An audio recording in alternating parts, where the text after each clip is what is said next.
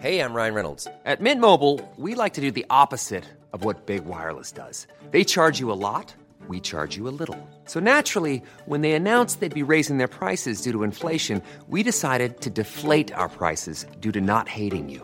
That's right. We're cutting the price of Mint Unlimited from $30 a month to just $15 a month. Give it a try at mintmobile.com slash switch. $45 upfront for three months plus taxes and fees. Promo rate for new customers for limited time. Unlimited more than 40 gigabytes per month. Slows. Full terms at mintmobile.com.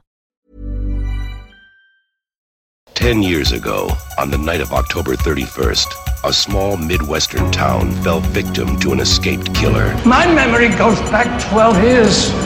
I prayed that he would burn in hell. But in my heart, I knew that hell would not have him. Michael Myers is outside.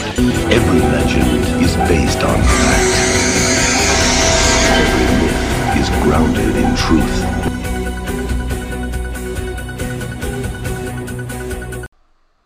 Välkommen till Skräckfilmscirkeln och idag tar vi åter på oss masken för att skapa oss en image i form av en skepnad eller en boogeyman.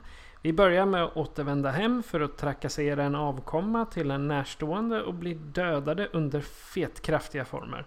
Men lo and behold, nästa år kommer vi tillbaka igen för att försöka döda ungjäveln ännu en gång. Och det går ju såklart åt helvete. Sen tar vi och vilar några år och under den tiden skapar vi en kult som kan göra skitjobbet åt oss innan vi börjar ta koll på alla vi kan. Vi ska prata om tre hela Halloween-filmer idag i form av Halloween 4, The Return of Michael Myers från 1988, Halloween 5, The Revenge of Michael Myers från 1989 och Halloween 6, The Curse of Michael Myers från 1995. Eh, samtliga de här ingår i eh, kort sagt eh, Jamie-trilogin. Och varför det är så kan vi prata lite om en stund.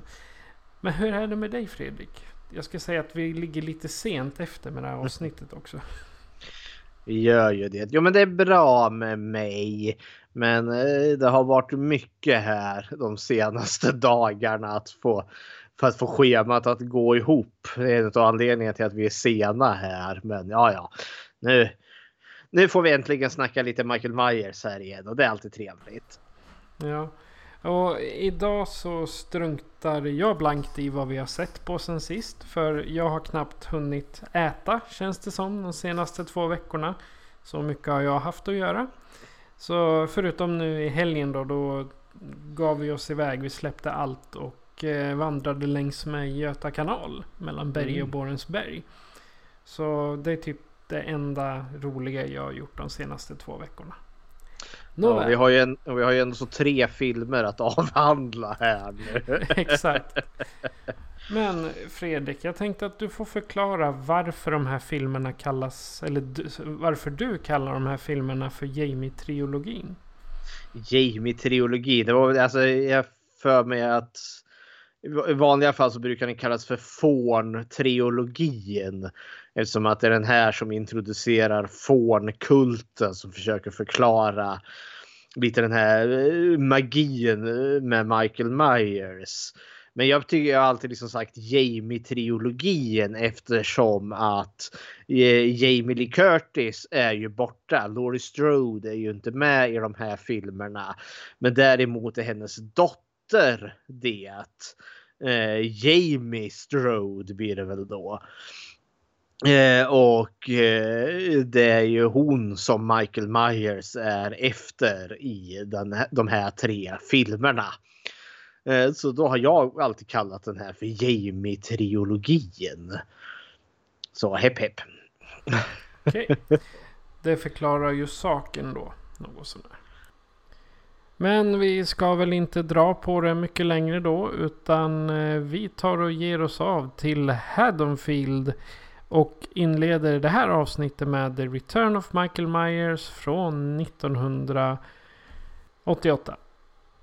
Ten years ago, on the night of October 31st, a small Midwestern town fell victim to an escaped killer.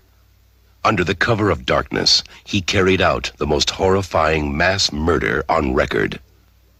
Sixteen people, in cold blood. Ever since that night, no one has forgotten his name.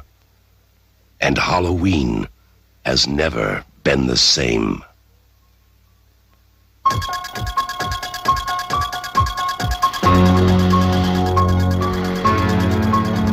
Now, Michael Myers has come home. He has returned for one more night of unholy terror.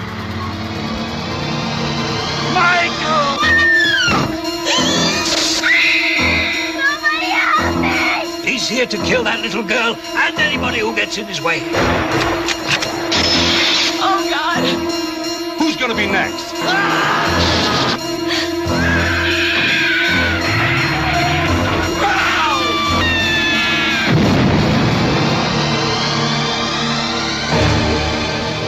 Halloween 4 The Return of Michael Myers.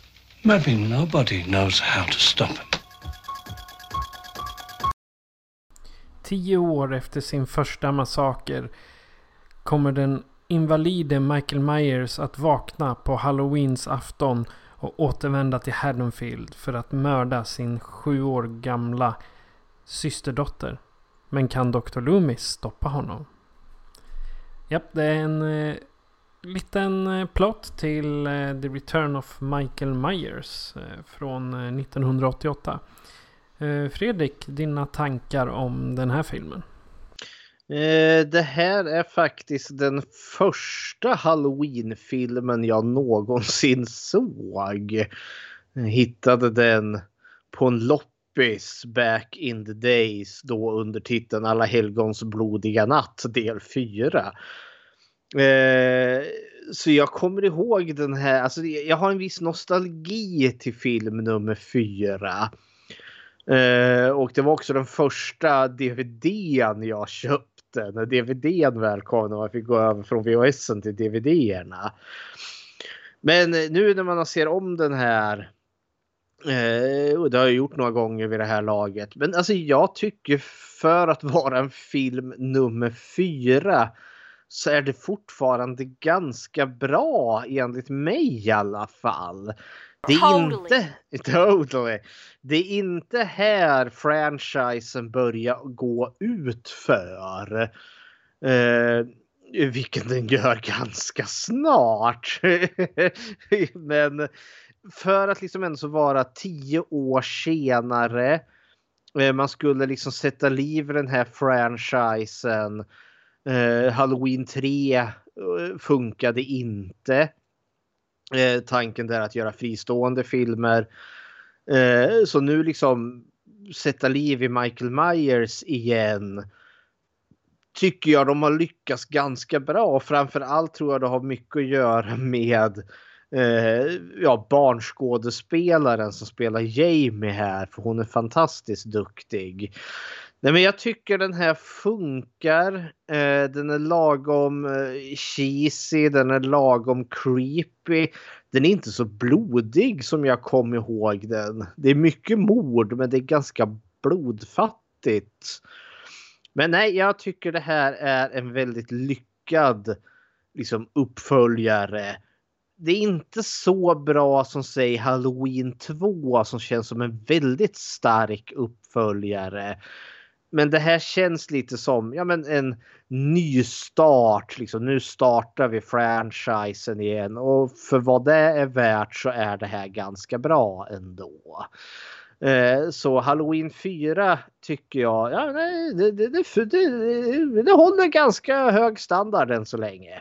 Så det är initiala tankar kring Halloween 4. Vad tyckte du Patrik? Alltså, problemet som eh, jag nu på senare år har haft med alltså, franchises har varit det faktum att de Särskilt slashers, att de går över till nya karaktärer varje, varje film i stort sett. Det är bara on, ondingen som finns kvar. Och det är liksom ingen av karaktärerna får man liksom sympati för, om man säger. Jag, menar, jag tror inte att jag brydde mig om någon någonsin i Fredag den 13 serien. Men här i Halloween, så 1, 2, 4 och 5 hittills som man kan säga. Så har vi liksom, har man fått sig tid att lära känna de huvudpersonerna. Och först och främst och ha med dem i åtminstone en uppföljare. Så eh, vi har ju liksom en häftig karaktär här i form av Myers. Och sen har vi Donald Pleasence. Liksom han eh, återvänder att, för att slåss mot Myers varje gång. Om och om igen. Jag menar, han får en stroke, han blir bränd och lik förbannat så reser han sig ändå. För han ska mörda den där jävla Myers helt klart. Han är nästan lika odödlig som Myers själv. Ja, exakt. Och jag menar Donald Pleasence han höll på med den här serien upp till... Ja, 95 gjorde han sin sista eh, Halloween-film. Så det är ändå 17 år med Michael Myers. Ja, men eh, vi, förra gången så pratade vi om karaktärerna och sen tog vi platserna och så har vi pratat om de två M, Myers och morden. Så vi, Jajamän. om vi, du valde ut lite hyfsat centrala karaktärer här som Mhm. du har sett. Om vi Ja. går efter dem då. Vi kör lite så för nu liksom killcountet ökar ganska rejält i de här filmerna.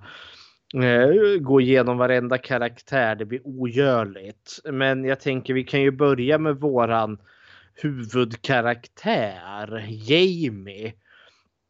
Eh, nu vet jag inte vad skådespelerskan heter. Det kanske du har Daniel, koll på. Dan, Daniel Harris. Daniel Harris som då spelar den sjuåriga dottern till eh, Laurie Strode som vi har förstått har dött i någon olycka eller något sånt. Och är nu då adopterad utav familjen Caroder eller vad de nu heter. Eh, vad tyckte du om eh, Jamie? Alltså Daniel Harris gör ju en... Alltså det är... Hon gör en så jäkla bra insats i de här filmerna. Hon är lite som... Eh, eh, raka motsatsen till Carol Ann i Poltergeist. jag, menar för, jag kommer inte ihåg vad hon heter men eh, hon som spelar Carol Ann hon är ju lite... Medan eh, Daniel Harris här liksom... Hon, hon är som en Laurie Strode egentligen. Hon, hon puttar på fight mot eh, Michael Myers något rejält där. Det är ingen, ingen hon ska sätta sig på eller han ska inte sätta sig på henne utan jag menar, hon kör väl en kniv via typ ansikte på honom och eh, puttar ut han genom ett fönster om jag inte minns helt fel. Eh, nej, ner, ner för en trappa. Är det väl hon får honom. Någon gång. Ja, Skit, skitsamma, hon, hon ger sig inte när hon åker på honom i alla fall. Och han, eh, han har ju lite sån här, vad ska man säga? Han har någon emot sig. Ja. He- Heather, Carol Ann heter Heather O'Rourke. Heather och Eh, från- precis. Ja, nej men eh, det kan vara en smart eh, eller en rolig jämförelse de två barnskådespelarna. För jag menar Heather O'Rourke som Carol Ann i Poltergeist är ju väldigt central men hon försvinner ju ut ur handlingen i och med att hon blir kidnappad av spökena. Medans eh, Jamie hon är ju väldigt liksom front and center hela tiden eftersom att det är henne Michael Myers vill mörda. Så man kan liksom inte skriva ut henne ur handlingen lika lätt. Vilket gör att jag tror att hon har mer vad heter det, tid i, i bild än vad Heather O'Rourke hade. Eh, och det är väl just för jag... Eh, vad hette hon nu, hon som spelar Jamie? Daniel Harris. Daniel Harris. Alltså hon... eh, Hon var ju 11 år eh, när hon gjorde eh, Halloween 4. Men spelar 7 år. Men det funkar väldigt bra för hon måste vara väldigt liten för sin växt. För jag hade lätt kunnat tro att hon var 7 år. Sen har det väl lite med kameravinklar och så också. Ja, säkert. Men hon är så autentisk. Alltså, hon, hon är så duktig. Den här eh, eh sk- eh, skådespelerskan. Alltså, för det, med barnskådespelare är det verkligen A och O ibland. Och är liksom man, man kan inte beskylla en barnskådespelare för att vara dåliga för att de är barn. Men liksom ibland så är det lite så här, mm, ja, ah, uh, uh, Eh, och det kan förta liksom en ut ur filmen. Men hon kan ju verkligen emota. Och hon är den här ledsna flickan som har liksom förlorat sin mamma. Eh, men också just att hon kan spela det här att hon kan vara så rädd. Och, och känns så autentiskt rädd. Det känns nästan lite obehagligt ibland. Alltså jag blir, vad heter det, det, det obekväm när jag sitter och tittar på för just ser den här flickan, det här barnet som terroriseras utav den här förfärliga Michael Myers och liksom se hennes jävla gatlopp utav galenskap som hon blir utsatt för. Så jag känner liksom, oh, mitt hjärta bara blöder för henne. Men det är också för att hon gör det här så jävla bra. Eh, så jag, liksom, jag känner ju liksom den här pappainstinkten. Föräldern kommer liksom i sig, liksom bara vill svepa in, liksom dundra in där som någon superhjälte och sopa Michael Myers ut genom fönstret så han aldrig kommer tillbaka igen. Och liksom bara rädda henne från det här onda. Bara svepa in henne i en varm god filt där. Nej men det är just för hon är ju en final girl. Fast hon är ett barn. Uh, och jag känner väl också just där up the ante att Michael Myers är på jakt efter ett barn i den här filmen. I vanliga fall, jag menar Laurie Strode är ändå så en tonåring, ung kvinna när han ger sig efter henne. Men här är det ju liksom ett barn, han ska mörda en sjuårig flicka. Och jag hyser liksom inga som helst tvivel att han skulle mörda henne. Eh, så nej men kudos eh, till henne för hon, hon lyfter den här filmen. Eh, väl tycker jag. En eh, sak som är lite skoj är att hon gör ju en eh, liten cameo i eh, Rob Zombies Halloween också. Jaha! ja, hon Se spelar där. något så här Annie Brackett. Jag kan inte minnas vem det är men det är någon, kanske en granne eller någonting. Hon, hon spelar i alla fall med i, eh, i även den filmen. Ja, Se där. Men då går vi över till hennes, eh, vad blir det, styvsyster, hennes, eh, eller fostersyster eller vad blir det? Eh, karaktären Rachel. Ja, eller Ellie Cornell heter hon i verkligheten. Ellie Cornell, stora syster. Eller ja, hon blir ju ja, men, fostersyster, fy foster stora syster till Ja. Jamie. De här två fungerar ju alltså, tillsammans som våra final girls. Vi har ju egentligen två final girls i den här eh, filmen. V- vad tycker du om Rachel? Alltså Rachel, det märks att de har skrivit henne med inspiration av Laurie Strodes. För hon har precis samma, vad ska man säga, samma karisma. Hon beter sig lika med, med Jamie som, som eh, Laurie Strode gör med eh, flickorna och Tommy i första filmen. Mhm. Hon är liksom beskyddande. Hon är nästan en mamma, typ mamma. Om man ska Mhm. säga. Så jag tror att eh, hon har nog fått den lilla systern hon inte... Hon aldrig skulle fått annars. Liksom. Mhm. Det, var, det var någonting hon... eh, Ja, hon, hon gillar att vara stora syster helt enkelt. Ja. Så att eh, hon, eh, hon passar in i systerrollen. Den som vaktar över lilla, lillasyrran och löser problemen när mamma och pappa inte är där. Liksom. Mhm. Det, det är den känslan jag har för henne. Var det henne du menade liksom när du säger att han knuffar ner Michael Myers för trappen några gånger? Det kan det det, är väl vara. mer, det, var, det är mer hon som gör motstånd mot Michael än vad Jamie gör. Ja, i alla fall i den här filmen. ja. Nej men alltså hon är ju... Jag gillar Rachel. Jag gillar karaktären. Jag, jag, jag håller med precis där du säger att det här är en, en variant utav Laurie Strode en lite kanske mindre, eh, vad heter det, introvert Laurie Strode. För hon har ju ändå som pojkvän där. Eh, och eh, när hon introduceras i början där så förstår vi ju att hon ska ut på dejt med honom. Men måste sitta barnvakt till Jamie eftersom att deras barnvakt har blivit sjuk. Och då är hon ju lite så här, åh gud, måste jag? Och så hör ju Jamie det och blir ju ledsen. Men eh, då shapar hon ju faktiskt upp för hon, eh, det är, eh, det är lite den här ja, men, tonåringen som vill ut och parta och partaja och inte ha något jävla störigt småsyskon. Och i, i detta fall liksom till och med ett fostersyskon. Åh gud vad jobbigt. Men det släpps ganska illa kvickt och hon liksom blir ju faktiskt den här schyssta stora systern. För hon, hon är väldigt empatisk. Och liksom, jag, jag, jag, känner verkligen att hon bryr sig och känner för Jamie. Och eh, samtidigt så finns det lite tonårsdrama där också såklart för att hon är en ung kvinna.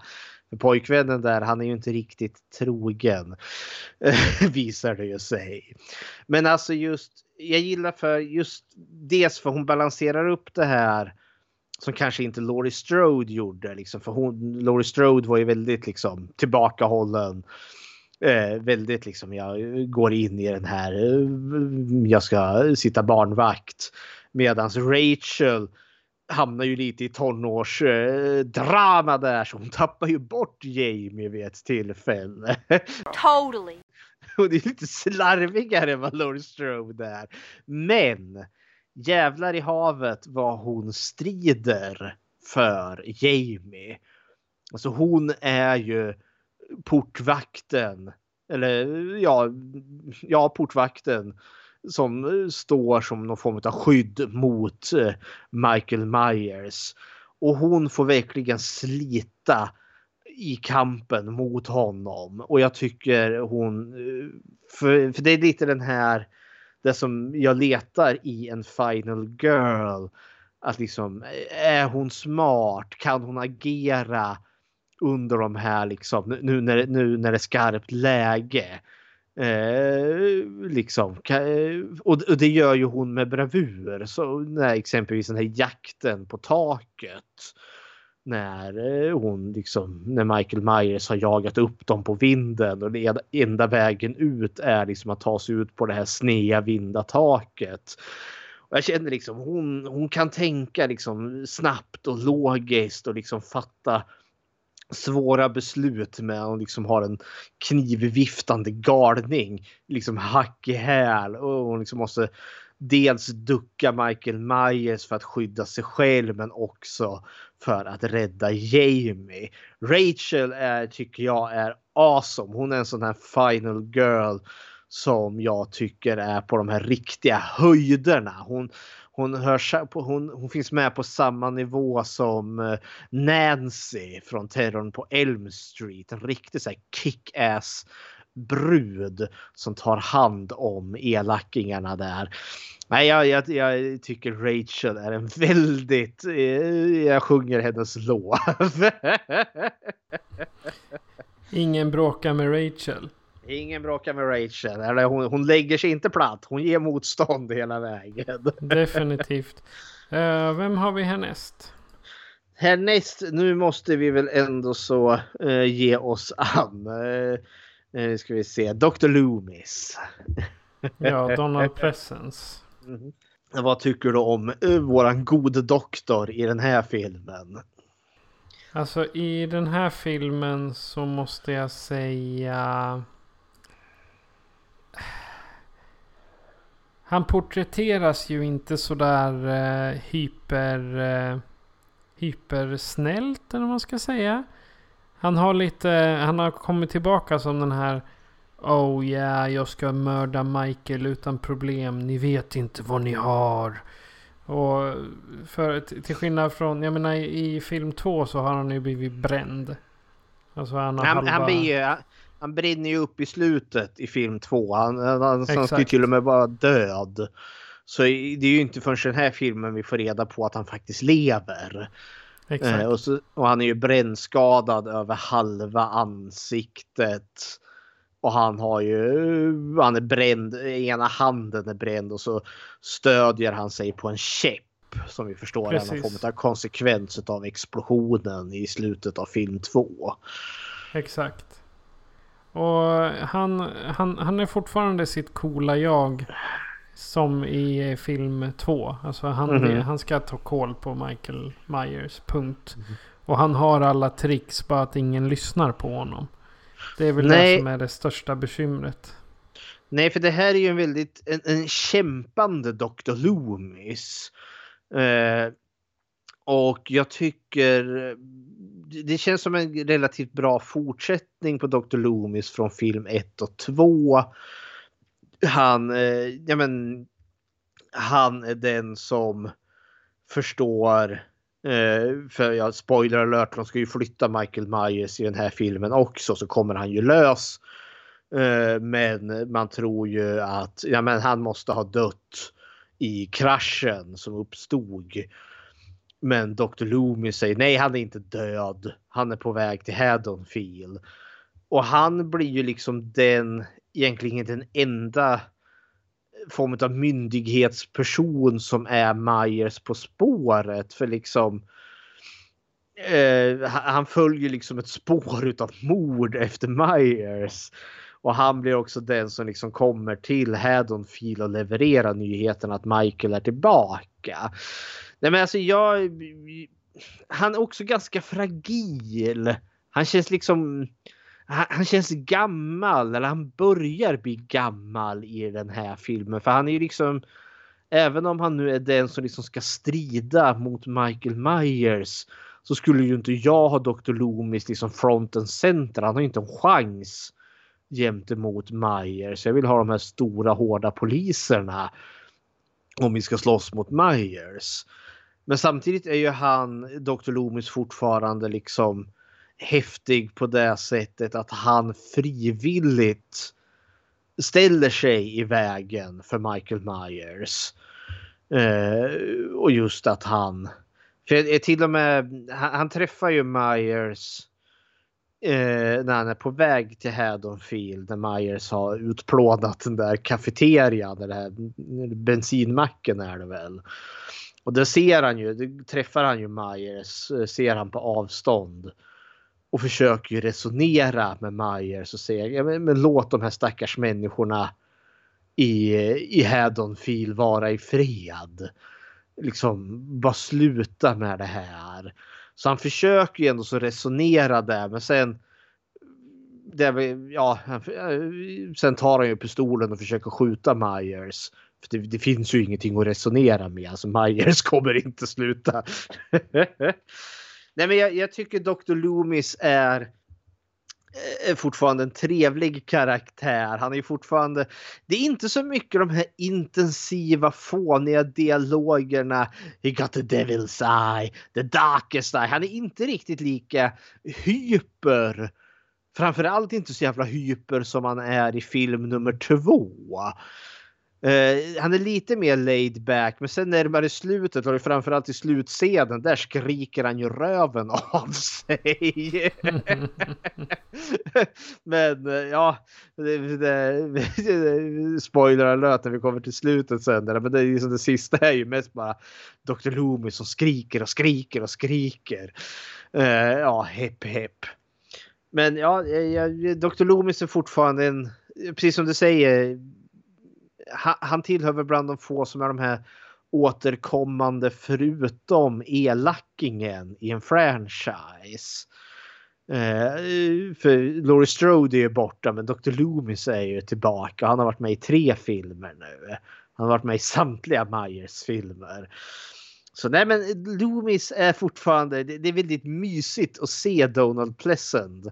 Och det finns ju en liten scen när han eh, träffar den här prästen som kommer åkande. Sån här ratt, den här rattfulla prästen som är fullständigt vansinnig.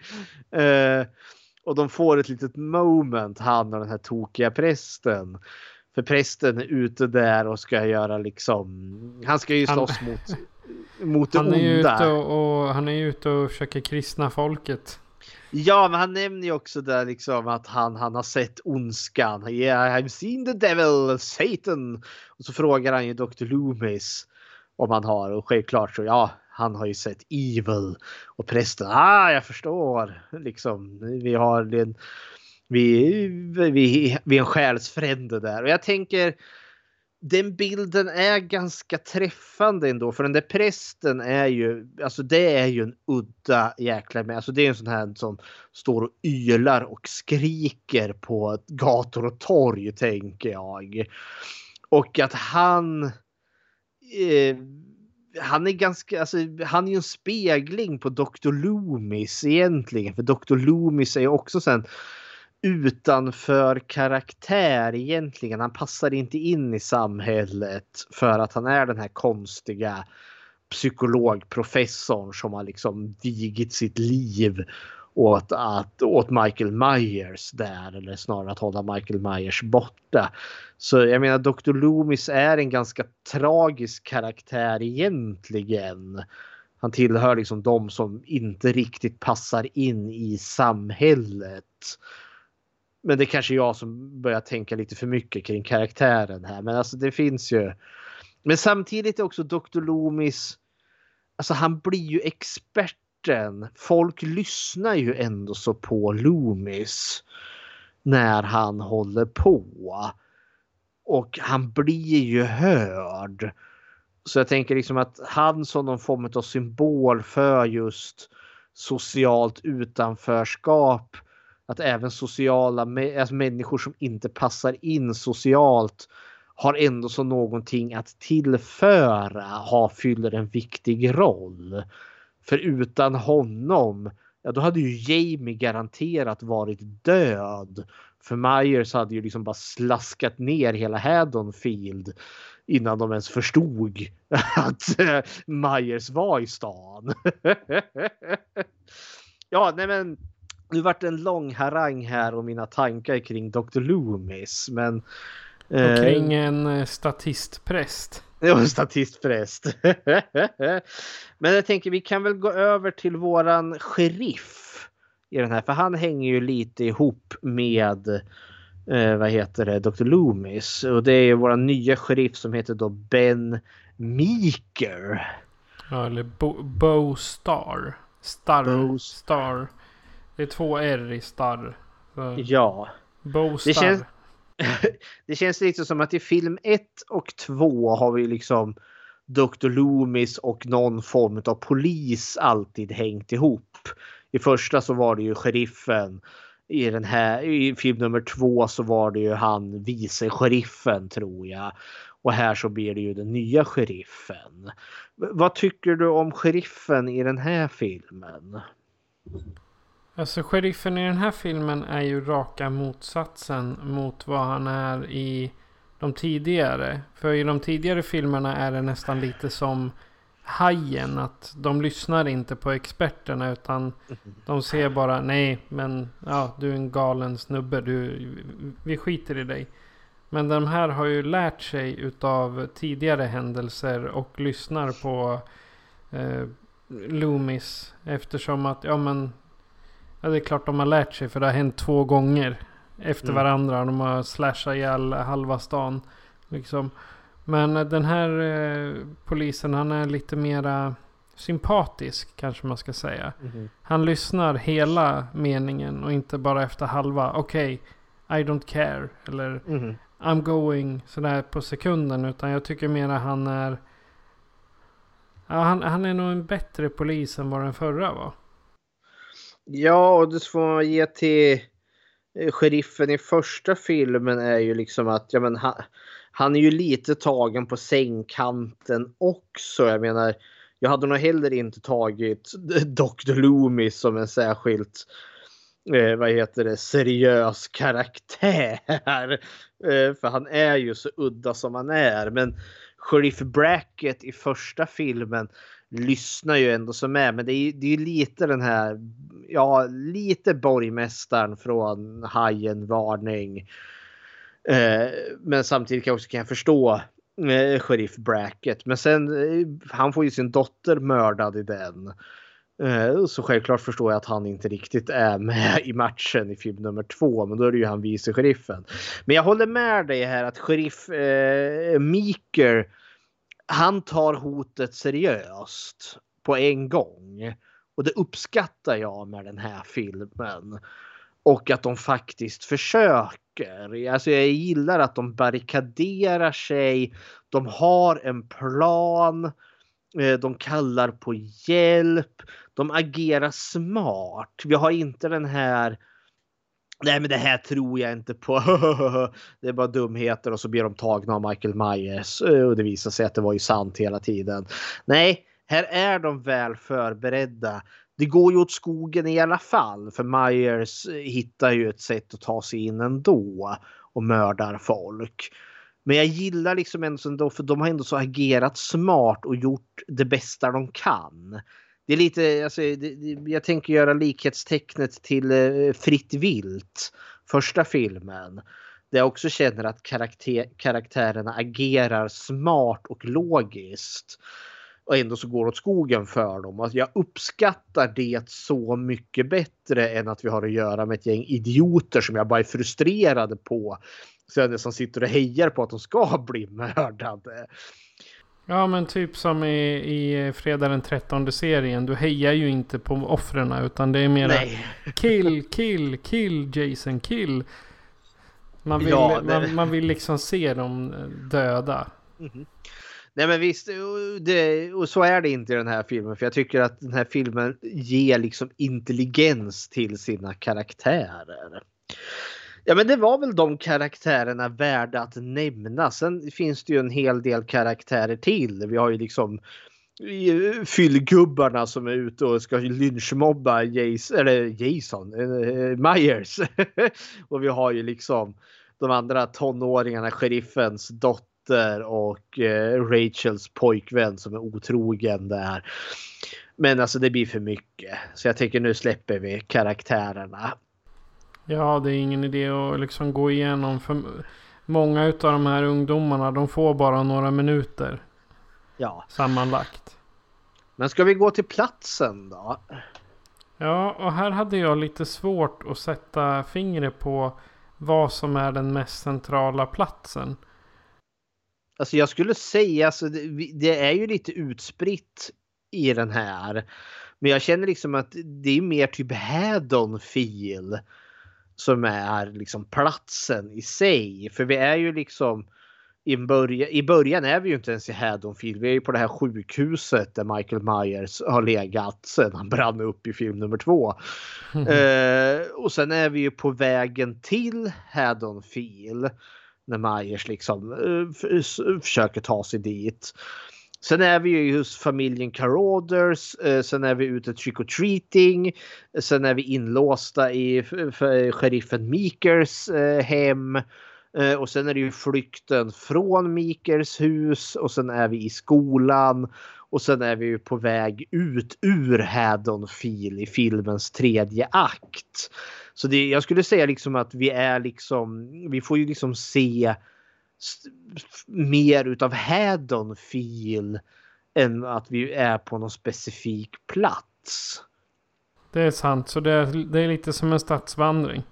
Ja, och jag, jag gillar det ändå. För jag menar film 1 är vi ju ganska mycket Haddonfield också. Men sen blir det ju de här två husen närmare slutet. Där liksom, ja, där, där Laurie Strode eh, sitter och är barnvakt. Och sen är det ju i film nummer två så är det ju väldigt centrerat till sjukhuset. Men här känns det som att nu, nu får vi ju se Haddonfield, alltså det här samhället som drabbades utav Michael Myers. Och jag finner det ganska, alltså samhället verkar ganska trivsamt ändå.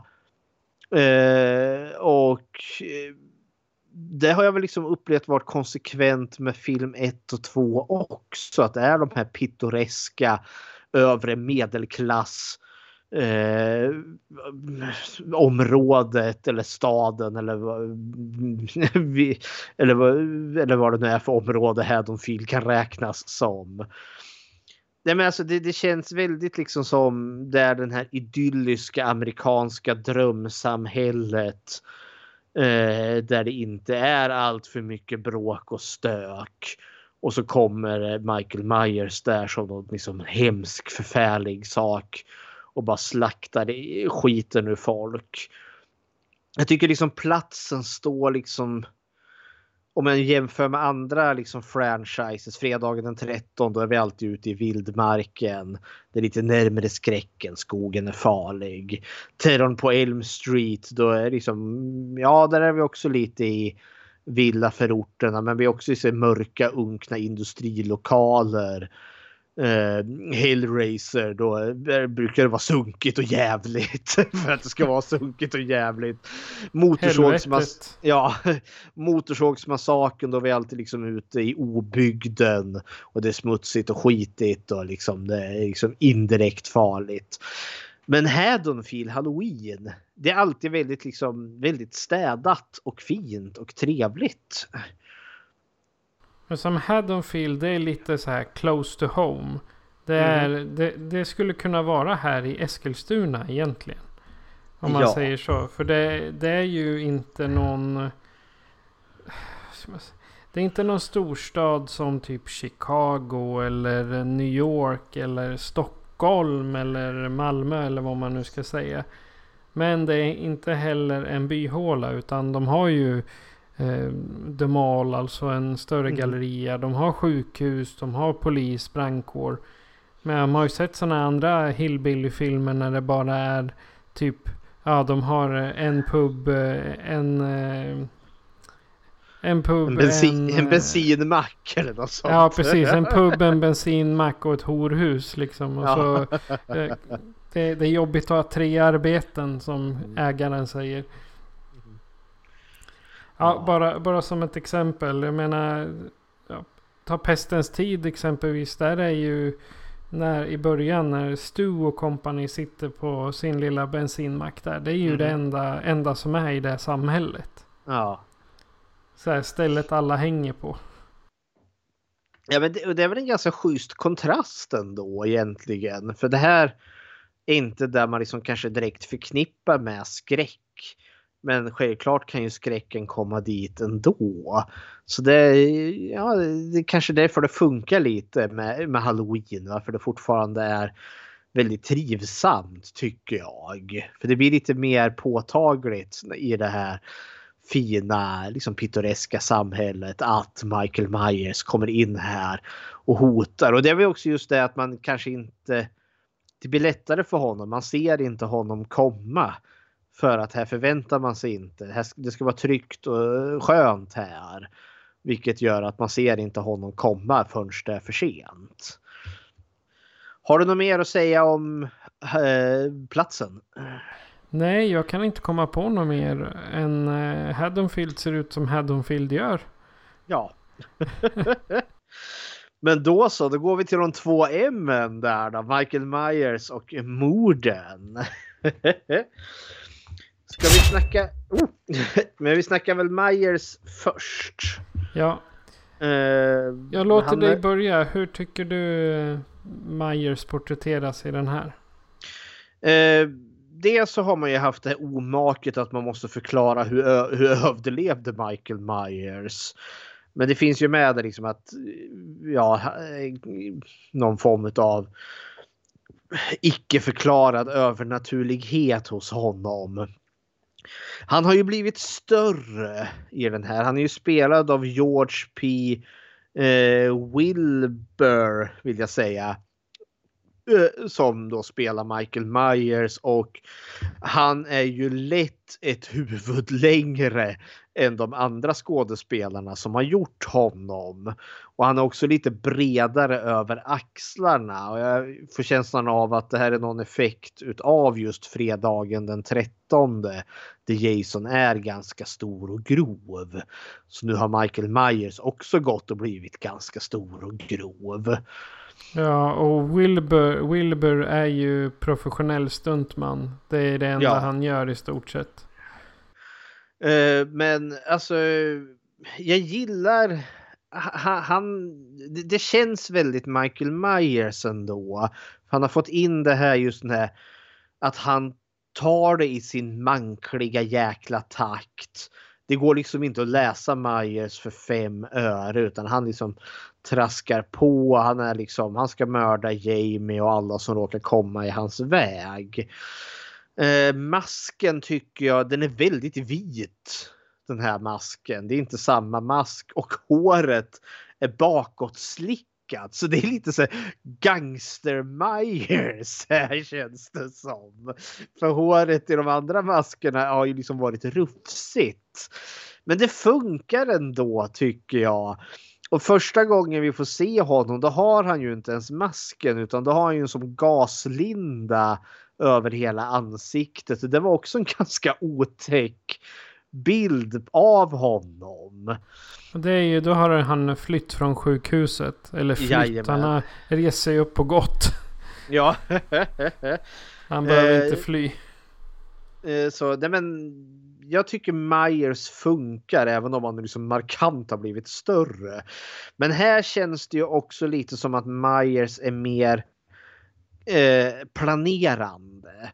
Eh, I, I första filmen är det ju en viss random eh, grej till honom. Han bara väljer Laurie Strode.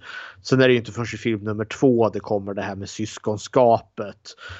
Att han måste mörda sina eh, syskon eller familjemedlemmar. Här så känns det som att han planerar. Han, liksom, han tar ju ut polisstationen. Eh, han tar ut strömmen så att liksom Haddonfield blir svart. Han lägger sig i baksätet på en polisbil så han liksom kan ta sig till en plats. Alltså det är en planerande, skimande Michael Myers här. Vad tycker du om Myers i den här filmen? Jag gillar faktiskt Myers i den här filmen bättre än eh, den första och andra. För när jag tänker Michael Myers då tänker jag typ två och en halv meter lång och två meter bred. Ungefär eh, den, den saken jag tänker. Det är, han är The Rock. Ungefär. Han, han eh, skulle vara en eh, bra Michael Myers. Bara att han har för runda muskler. Så han får väl ha... Han får vara Michael Myers i en typ badrock eller något.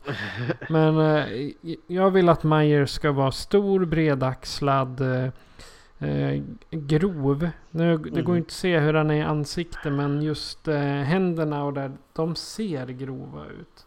Mm. Så eh, det är, en, det är en sån eh, Myers jag vill ha. Alltså en grov eh, arbetarkar. Eller vad man ska kalla det. Du vill ha en rejäl kar med andra ord. Alltså en riktig kar som kan hugga ihjäl folk. Ja men för han är ju väldigt mycket större. För man ser han lyfter ju folk vid halsen.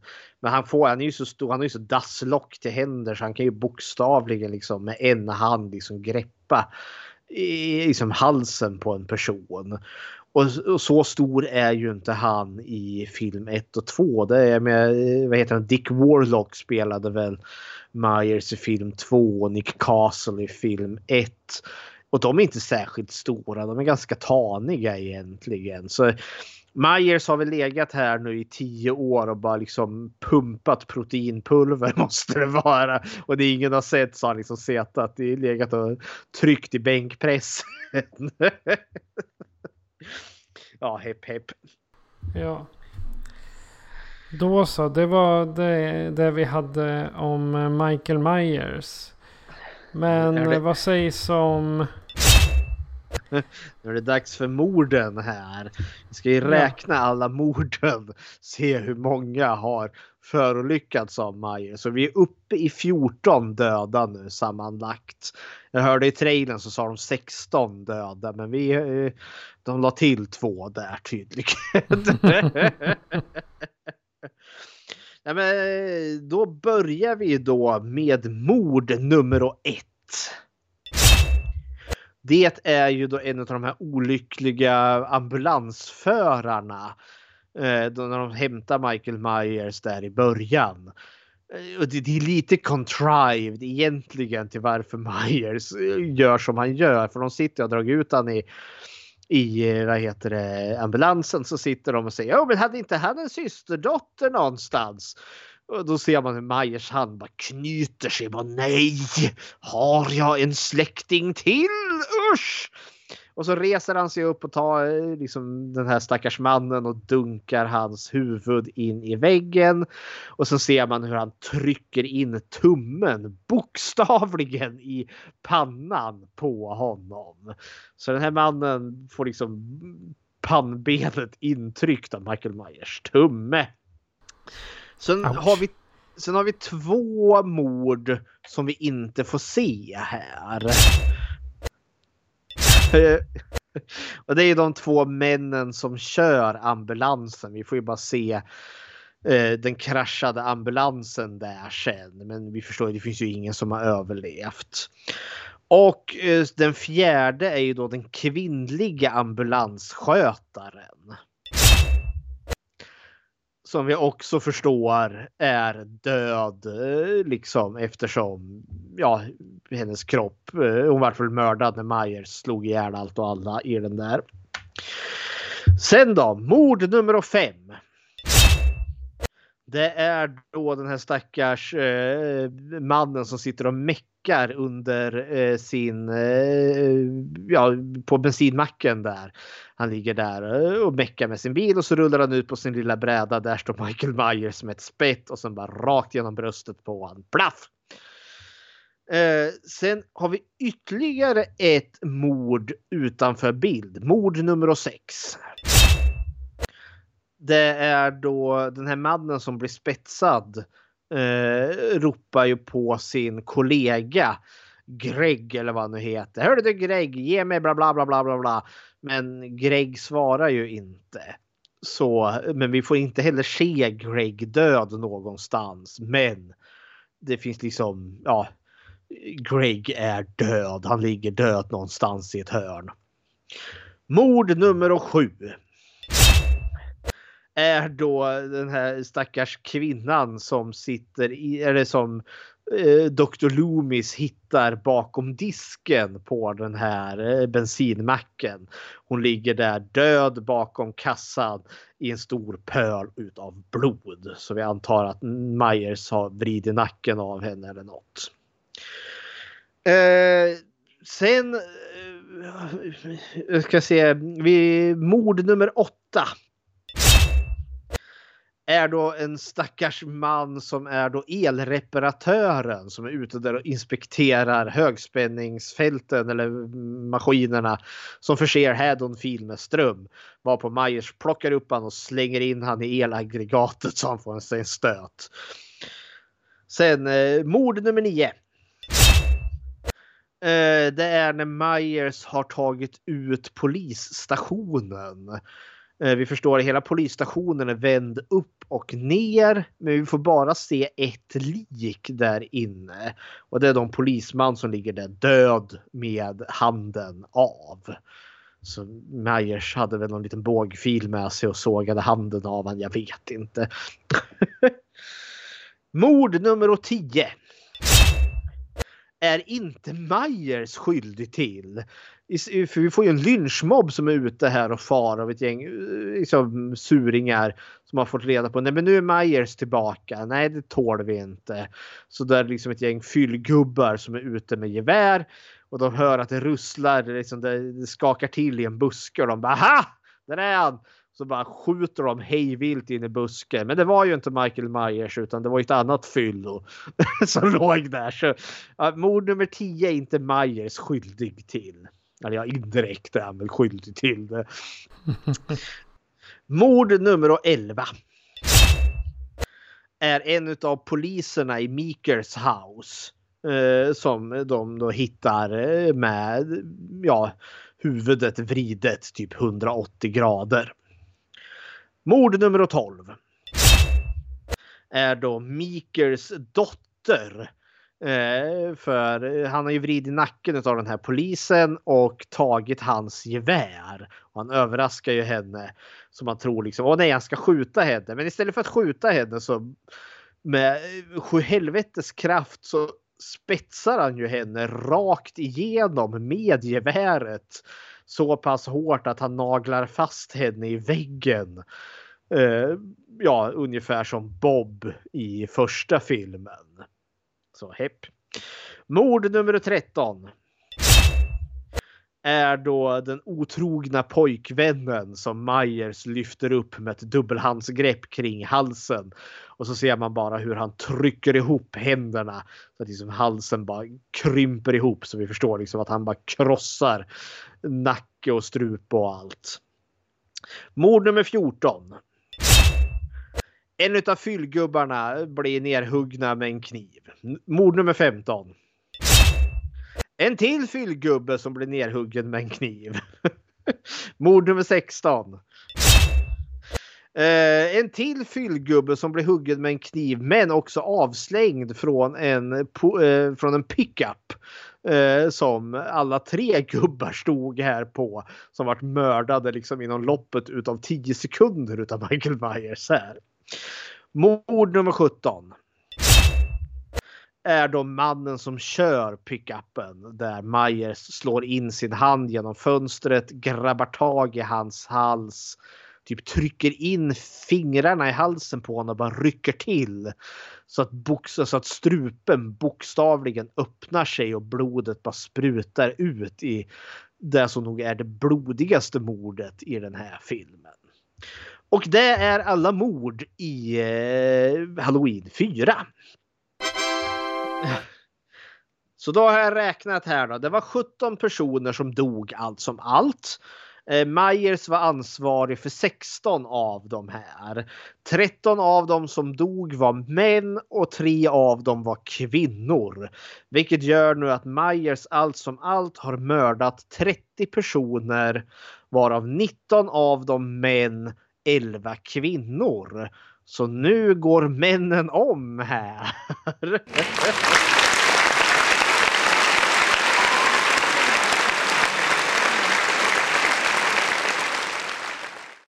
Okej. Har du gjort ett Bechteltest på den här? Ja, det har jag. Vi har ju Rachel och Jamie. Eh, vi har också Kelly som är den här, vad heter det, eh, Meekers eh, dotter, sheriffens dotter där. Eh, alla de kvinnliga karaktärerna träffar varandra. Eh, och de eh, pratar med varandra också det är väl mest Rachel och Jamie. De har flera scener där de pratar om hennes mamma, alltså Laurie Strode. Och hon är ju inte man. Så därför klarar Bech Halloween 4 Bechteltestet. Yay! Då så. Men, men, innan vi går in till Halloween nummer 5 så måste vi ju lyssna på musiken. För Halloween har ju sitt säregna alltså soundtrack. Eh, och varje film gör det lite annorlunda. Och nu är ju inte John Carpenter med något mer. Men det är han Alan Howard. Han var ju med och gjorde till Halloween 2. Eh, och det är ju han som har gjort musiken till Halloween 4. Så take it away Patrik. Halloween 4.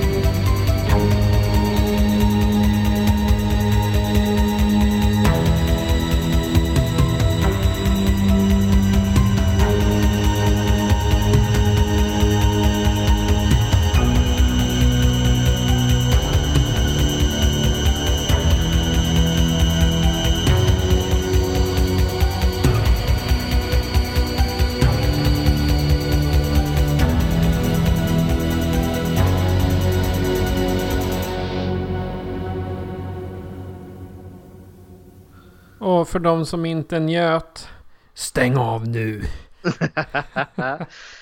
det hör till här också. Alla andra filmer har ju haft en pumpa i inledningstexten.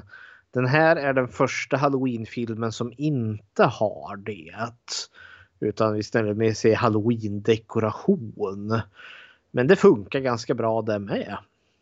Ja, Jaha, ska vi gå över till Halloween 5? The Revenge of Michael Myers. ja, vi ger oss huvudstupa in. Här kommer en trailer. Sheriff? They want you down at the cemetery.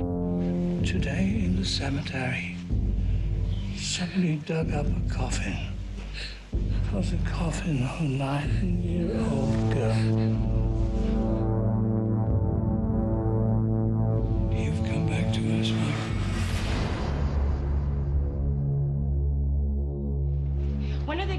Realize that she is not him? She's just a child. They know that Michael Myers is her uncle and that she attacks her stepmother. That's why they fear her, especially on Halloween. You're afraid. You're afraid the whole thing might start to happen again. How many people did he kill last year? Have you forgotten? You never looked into his face, did you? You never saw his eyes. You never saw that nothing, no expression, blank. Huh? My memory goes back 12 years. I prayed that he would burn in hell. But in my heart, I knew that hell would not have him. Michael Myers is outside. The National Guard will take him to a maximum security facility where he'll stay till the day he dies. Hey, I'm Ryan Reynolds. At Mint Mobile, we like to do the opposite of what Big Wireless does. They charge you a lot, we charge you a little. So naturally, when they announced they'd be raising their prices due to inflation, we decided to deflate our prices due to not hating you. That's right. We're cutting the price of Mint Unlimited from $30 a month to just $15 a month. Give it a try at mintmobile.com slash switch. $45 upfront for three months plus taxes and fees. Promo for new customers for limited time. Unlimited more than 40 gigabytes per month. Slows. Full terms at mintmobile.com. Hiring for your small business? If you're not looking for professionals on LinkedIn, you're looking in the wrong place. That's like looking for your car keys in a fish tank.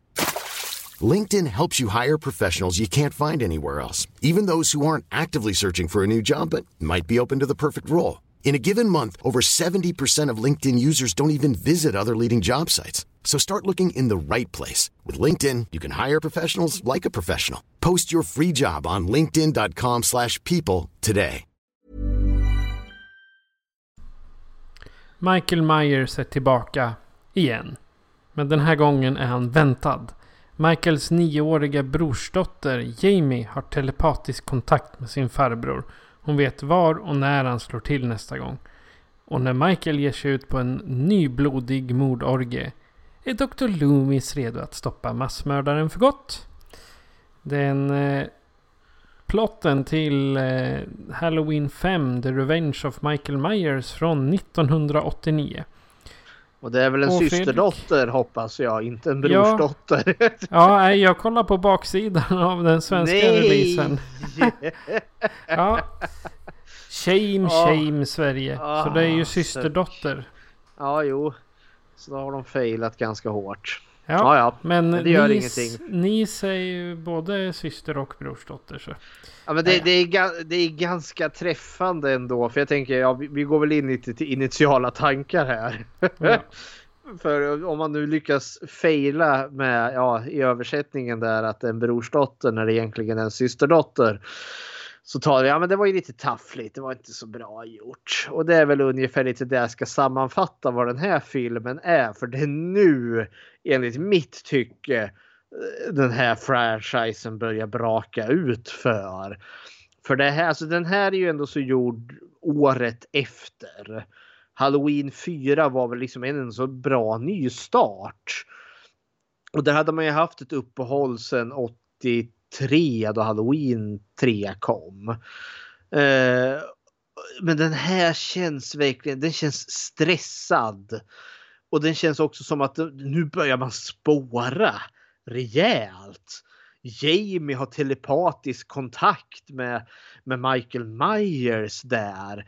Det är nu den här fånkulten dyker upp. Michael Myers har en tatuering på handleden.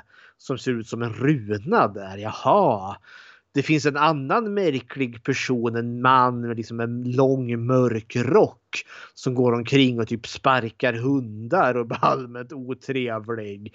Som står i bakgrunden och ingen vet vad han är bra för. Men han dyker upp bokstavligen i slutet och liksom skjuter sheriffstationen till helvete. Jaha. Det, de, de, de introducerar grejer som inte riktigt hör Alltså som är stämningsfel. Det finns två poliser som dyker upp som ska vara en comic relief. Eh, och man har bokstavligen lagt på sig clownmusik. Det är verkligen så här umpa dumpidi dumpa dumpidi dump. Åh så tokigt, nu är det kling och klang som är ute och går här. Var kom det ifrån? Och det används liksom två gånger i filmen allt som allt. Men det här är inte en komedi. Men här är det komedi.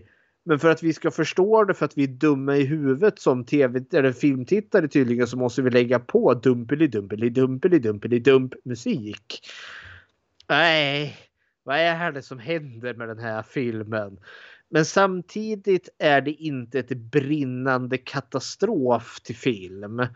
Jag tycker faktiskt början eller liksom den första hälften med ungdomarna här är ganska underhållande. Och det finns en karaktär som heter Tina som jag tycker ganska mycket om. Totally. Totally. Eh, där man liksom, ja men hon är det närmaste jag får en ny Linda-karaktär. Men sen skrevs karaktär, andra av ungdomarna här är så jävla dumma i huvudet så jag förstår liksom inte riktigt hur de har lyckats överleva så här länge som de har gjort. det är verkligen liksom the Darwin Award. Det är deras att de här människorna dog. Nej, det förbättrade nog bara genpoolen ändå. det känns lite som att Michael Myers är ute och gör en samhällstjänst här. Nej, men alltså det här är en mixed bag. Eh, de har misslyckats med så mycket så den tredje akten utspelar sig i Myers-huset. Och Myers-huset är totalt, alltså det är inte samma hus. Trodde de inte att vi skulle märka det? Alltså, ja, nej, det är så mycket med den här som känns som att det är ett havsverk. Det känns stressat. Det känns inte genomtänkt det som jag förstår att de liksom skulle introducera någonting här med fånkulten och det här med magin. Men det faller platt. Men det är fortfarande inte ett brinnande katastrof. Men det är mycket här som inte riktigt är som det ska vara. Vad tycker du om eh, initiala tankar Halloween 5? Alltså det är ingen överraskning att Michael Myers inte dog i slutet av Halloween 4. Ja, nej. I en eldsvåda. Plus att de slängde i lite dynamit. Ja, det lägger det... de ju in i den här filmen. För liksom slutet i Halloween 4. Där är att polisteamet bara mepprar ju ner honom. Och han faller ner i vad vi tolkar i något gruvschakt eller något. Exakt och, och, i början på femman så slänger de på att någon kastar ner en, ett par dynamitgubbar också. ja! Jag tänkte, och inte fan de, dör han för det. Nej men jag tänker, fan, de är poliser!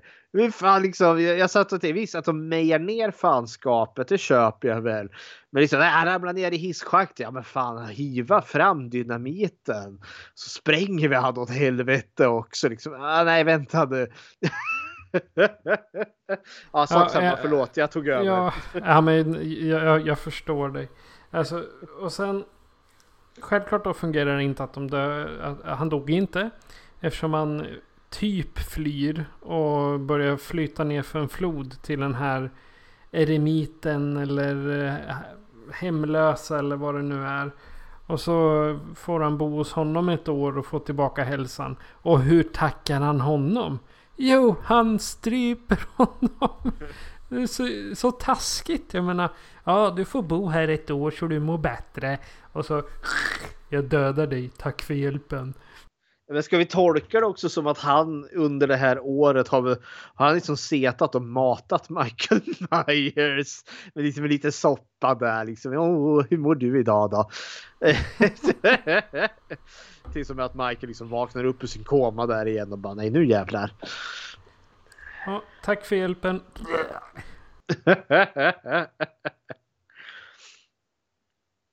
ja, men det är mina initiala tankar. Ska vi kasta oss in i karaktärerna på en gång? Vi gör det och det är väldigt många karaktärer som är liksom detsamma från förra filmen. Och vi börjar väl då med Jamie själv här.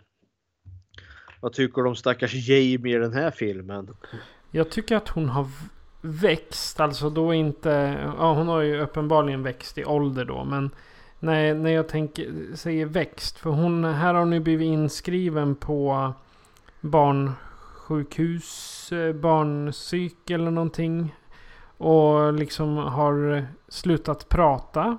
Eftersom mm. efter att hon försökte mörda sin styrmor. Eller lyckades hon med det förresten? Nej, vi får en liten, eh, alltså hon attackerar sin styvmor för det är det som är den sista scenen i, i film nummer fyra ungefär att Jamie gör samma resa som Michael Myers. Eh, men vi förstår i film nummer fyra, eh, fem att eh, styvmorsan överlevde eh, ja, knivattack eller en sax. Hon hugger sin styvmor med en sax är det väl? Ja, sak samma. Ja. Ja, eh, sen eh, sakta men säkert så hon eh, har ju sina anfall, kramper, stackars människa. Mm. För, för att vara en som har haft epilepsi halva livet så jag förstår hennes smärta om man säger så mm. med alla dessa kramper hon har. Sen tycker jag att hon, när hon väl liksom försöker kommunicera så har hon använder teckenspråk. Det såg mm. jag hyfsat bra. Om man, om man när, jag, när jag läste på någon review där att det var hy, hyfsat korrekt. Och mhm. sen också att eh, Tina var liksom den här den roliga mostern som gjorde mm. att hon började prata igen. Ja. Typ.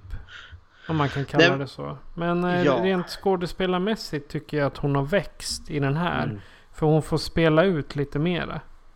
Hon får göra jättemycket. Alltså för det, om jag tyckte synd om henne i första eller i förra filmen. Alltså gudars skymning var den här var de härjar med henne. Det så är det ju verkligen alltså hon som blir jagad utav Myers där i slutet och hon får ju riktigt intensiva scener och hon är, hon är blodig, hon är slagen, hennes kläder är trasiga. Alltså jag tycker så jäkla synd om henne så det är inte klokt. Men det gjorde också eh, jag säger som du, alltså hon får ju riktigt skådespel och det är stora känslor. Hon gråter, hon är förtvivlad. Och det är också gjort det här att hon är ju bara ett barn. Det gör det ännu hemskare för jag är ju van liksom i en, i en annan slasherfilm liksom att the final girl är ändå som vuxen kvinna som blir jagad och härjad utav mördaren.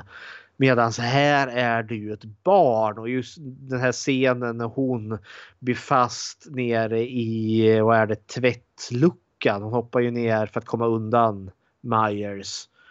Ja, det är någon typ, typ en tvättlucka.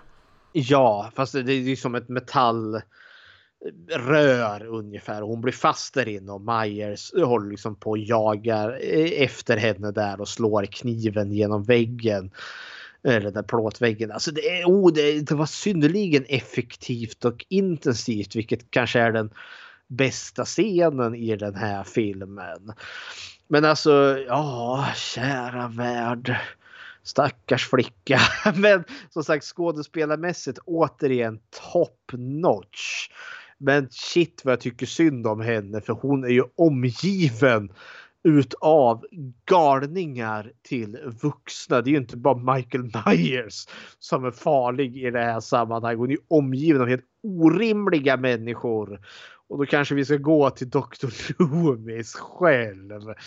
Som nu som jag tolkar det liksom leder den här barnkliniken. Men ja, shit. Dina tankar kring Dr. Loomis i Halloween 5. Alltså här i Halloween 5 så har ju, om jag förstod det rätt, har Dr. Loomis haft en stroke. Jaha, okej. Okay. Eller nej, det är i början av sexan. Förlåt, vi, vi kommer till Ja. det senare. Okay. Eh, Han är fortfarande, han verkar, jag vet inte om han leder hela, hela avdelningen eller hela sjukhuset där. Men jag tror i alla fall att han har typ extra uppsikt över, eh, eh, över Jamie hela tiden. Ja, så tolkar jag det också liksom som att det, det är inte han som, han arbetar egentligen inte på den här kliniken utan att han, han är ju där liksom speciellt för Jamie. Och jag förstår liksom inte hur de står ut med honom. För han, alltså Dr. Loomis är ju sinnessjuk i den här filmen. Han är galen. Alltså visst, han, han är liksom varit en udda allt det där men han är liksom ändå så samlad. Men här, han, han han är ju spritt språngandes galen. Och hur han härjar med den här stackars Jamie. Han är ju fan vidrig. Han liksom emotionellt utpressar henne. Han skammar henne. Han står och skriker på henne medan hon ligger och gråter i ett hörn. Ja, fan, jag kände ju liksom flera gånger jag vill bara rusa in i filmen och ge en rak höger. Liksom. Skärp dig för fan! Finns det inga vuxna människor här som ser liksom att vad Dr. Loomis håller på med är helt jävla orimligt? Men det här är också ganska orimlig film. För det är ju väldigt mycket att Jamie, ja, alltså hon har ju telepatisk kontakt med, med Myers. Så när han tänker mörda någon då så kan ju inte hon säga det för hon har ju blivit stum nu. Eh, men Dr. Loomis han förstår ju. Aha! Du har telepatisk kontakt med Michael Myers. Aha! Och så, visserligen i början så är han ju faktiskt och hjälper till. Hon lyckas ju avstyra några mord. Eller snarare bara förskjuta några mord innan Myers tar dem. Men sen i slutet, han håller ju henne som lockbete. Han tuttar i polisen. Ja, men om vi ska ta Michael Myers då måste vi sätta henne i hans hem. Och så säger, står jag och ropar åt eh, Michael Myers där jag såg han senast att ja men gå tillbaka hem för din eh, systerdotter finns där. och så använder han ju bokstavligen henne som en som ett, ja, men som ett levande bete i slutet där då för att locka Myers in i en fälla. Alltså han är ju spritt språngandes tokig. Men det är ju det att eh, hon är ju med på det. Det är ju hennes idé att hon ska vara eh, eh bete. Ja, hon, hon går väl lite med på det, men vad fan är det där i slutet liksom? Han, han håller henne liksom, eh, Han liksom håller ju henne liksom i ett grepp. Hon skriker och gråter. Han går liksom baklänges så han hela tiden kan se Myers medan Myers kommer gåendes emot dem. Liksom, ah, vill du inte ha henne? Ta henne! Kom Michael! Du vill hugga henne med kniven? Kom, ta henne! Alltså fan! Skjut han! Vem av dem? Båda två. Både Michael och Loomis. Nej, alltså, Dr. Loomis, han har ju varit en excentrisk karaktär, en udda karaktär. Men det här, så han har ju förlorat fotfästet. Han är ju genuint otrevlig och vidrig i den här filmen. Så jag har inte mycket till sympati för Dr. Loomis i den här filmen. Nej, han porträtteras verkligen som en douche. Ja, Alltså, och visserligen... Douche eller douche, douche. Så vitt jag förstod så, så är det ju tanken att han dör i slutet av den här filmen. Han är så uppjagad att han får en hjärtinfarkt och faller död ner där på slutet. Det gjorde man väl om till en stroke för att han skulle kunna vara med i film nummer sex där sen. Exakt, det är där jag har blandat ihop. Ja. Så egentligen så är det här andra gången Dr. Loomis dör. För han dog ju i slutet av film nummer två. Och han skulle ha dött i film, slutet av film nummer fem här. Men så ja nej. Eh, Han, han dör nästan lika många gånger som Myers. Jaha. Ska jag gå över till eh, våran sheriff i den här, eh, Meeker. Eh, han, han, Nej, Det är. Bo Star fortfarande. Ja, det är ju samma skådespelare. Och det här uppskattar ju att man återanvänder samma skådespelare. Vad tyckte du om Mikael i den här filmen? Han var lite kallare i den här filmen. Mhm. För han förlorar väl sin dotter i förra filmen. Ja, det är hon som ha- hamnar på, eh, som blir spetsad rakt igenom med geväret. Exakt. Och just- Och nu så har han, eh, drivs ju inte han av hämndbegäret. Men han är mera på sin vakt. Ja. Och det är väl Han- på grund av honom som eh, Halloween är typ bannlyst i, eh, i Haddonfield.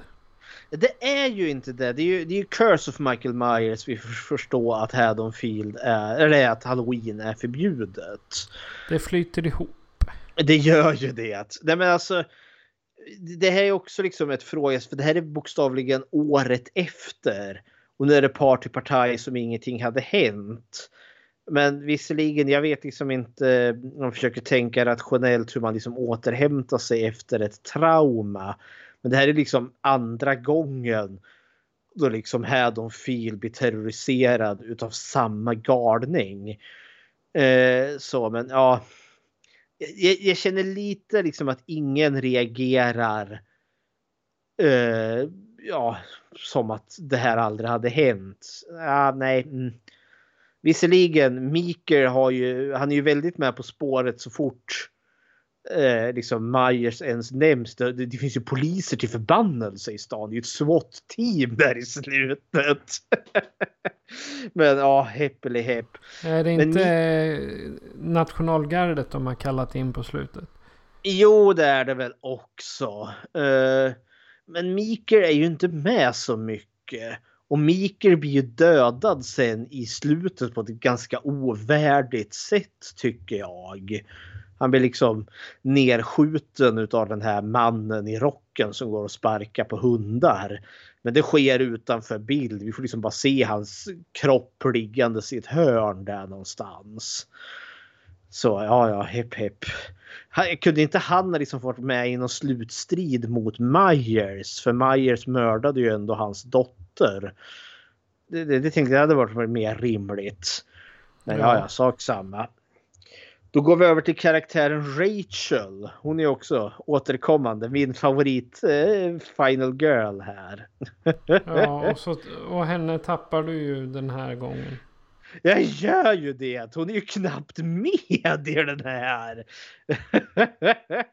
Samtidigt så det lilla hon är med eh, så är det ju fortfarande liksom samma karaktär. Men liksom ja, så oceremoniellt de avlivar henne. Hon kliver ut ur duschen eh, liksom med handduken virad kring sig. Vi får till och med liksom en liten lätt naken scen. Som om hon vore liksom ett vilket mordoffer som helst i en slasherfilm. Och där är Michael beväpnad med en sax och sen bara blä! Är hon död. Jag kände wow! Det gick snabbt. Det Fast det, det, det är ju också att, eh, nu vet inte jag om vi kollade på samma utgåva. Men det, det ringer, hon, jag tror det är polisen eller något som ringer henne. ah, jo. Jo, och säger eh, att ja men stick ifrån huset, han är på väg till er. Och hon tar Ja. på sig en handduk och drar. Ja, och jo, inte och mer. det, det, det, det kör ju. Det, det är ju faktiskt med. Och det var ju ganska smart ändå. Jag gillade just att hon bara, nej ut ur huset. Ja, men då tar hon det. Liksom, hon tar varningen på allvar. För hon har ju varit med förr. Eh, och sen går hon ju tillbaka. De tror att allting är lugnt. Men det är ju inte det. För Myers är ju inne i huset. Och då tar han henne. Eh, det är lite, för det är också lite så här ovärdigt. Jag hade liksom, ska hon ändå så dö så hade jag nog hellre sett liksom att hon, då hon, hon kämpade så jävla mycket mot honom i film nummer fyra. Att då liksom bara bli tagen liksom hepp. Så där, då hade jag liksom hellre sett att liksom hon går ner efter en, liksom en hård jävla strid mot eh, Myers. Men jag förstår ju för då kan vi ju gå in till karaktären Tina. Som egentligen är den enda nya karaktär som vi lägger in här. För hon blir ju nästan den nya Rachel. Så jag förstår inte riktigt varför man valde att ta bort Rachel och ersätta henne med Tina. Men sak samma. Vad tyckte du om... Kontrakt kanske. Vad tyckte ja. du om karaktären Tina? Om Tina, hon var den här eh, mammas eller stora systers roliga kompis. Typ. Så här, Helt alltså, klart. Jag, ja, men jag skulle kunna se henne som en typ eh, dagisfröken eller något, något liknande. Mm.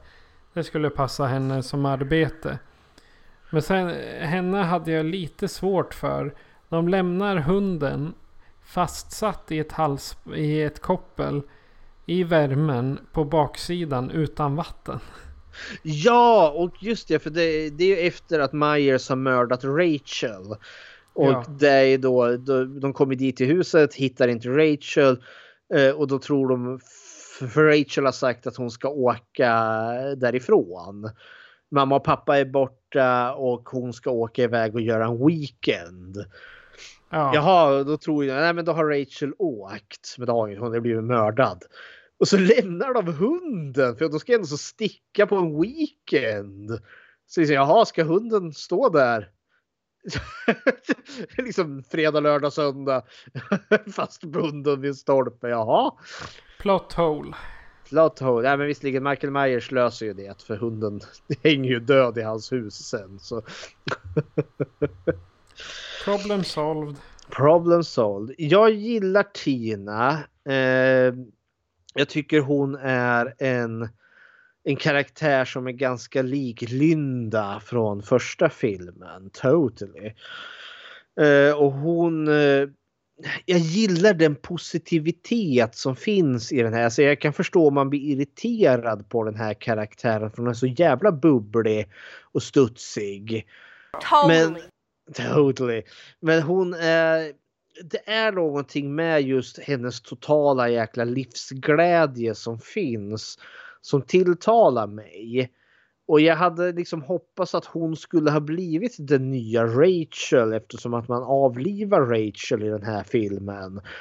Och hon... Eh, för hon eh, i slutet är blir hon, alltså när, när Myers hotar Jamie.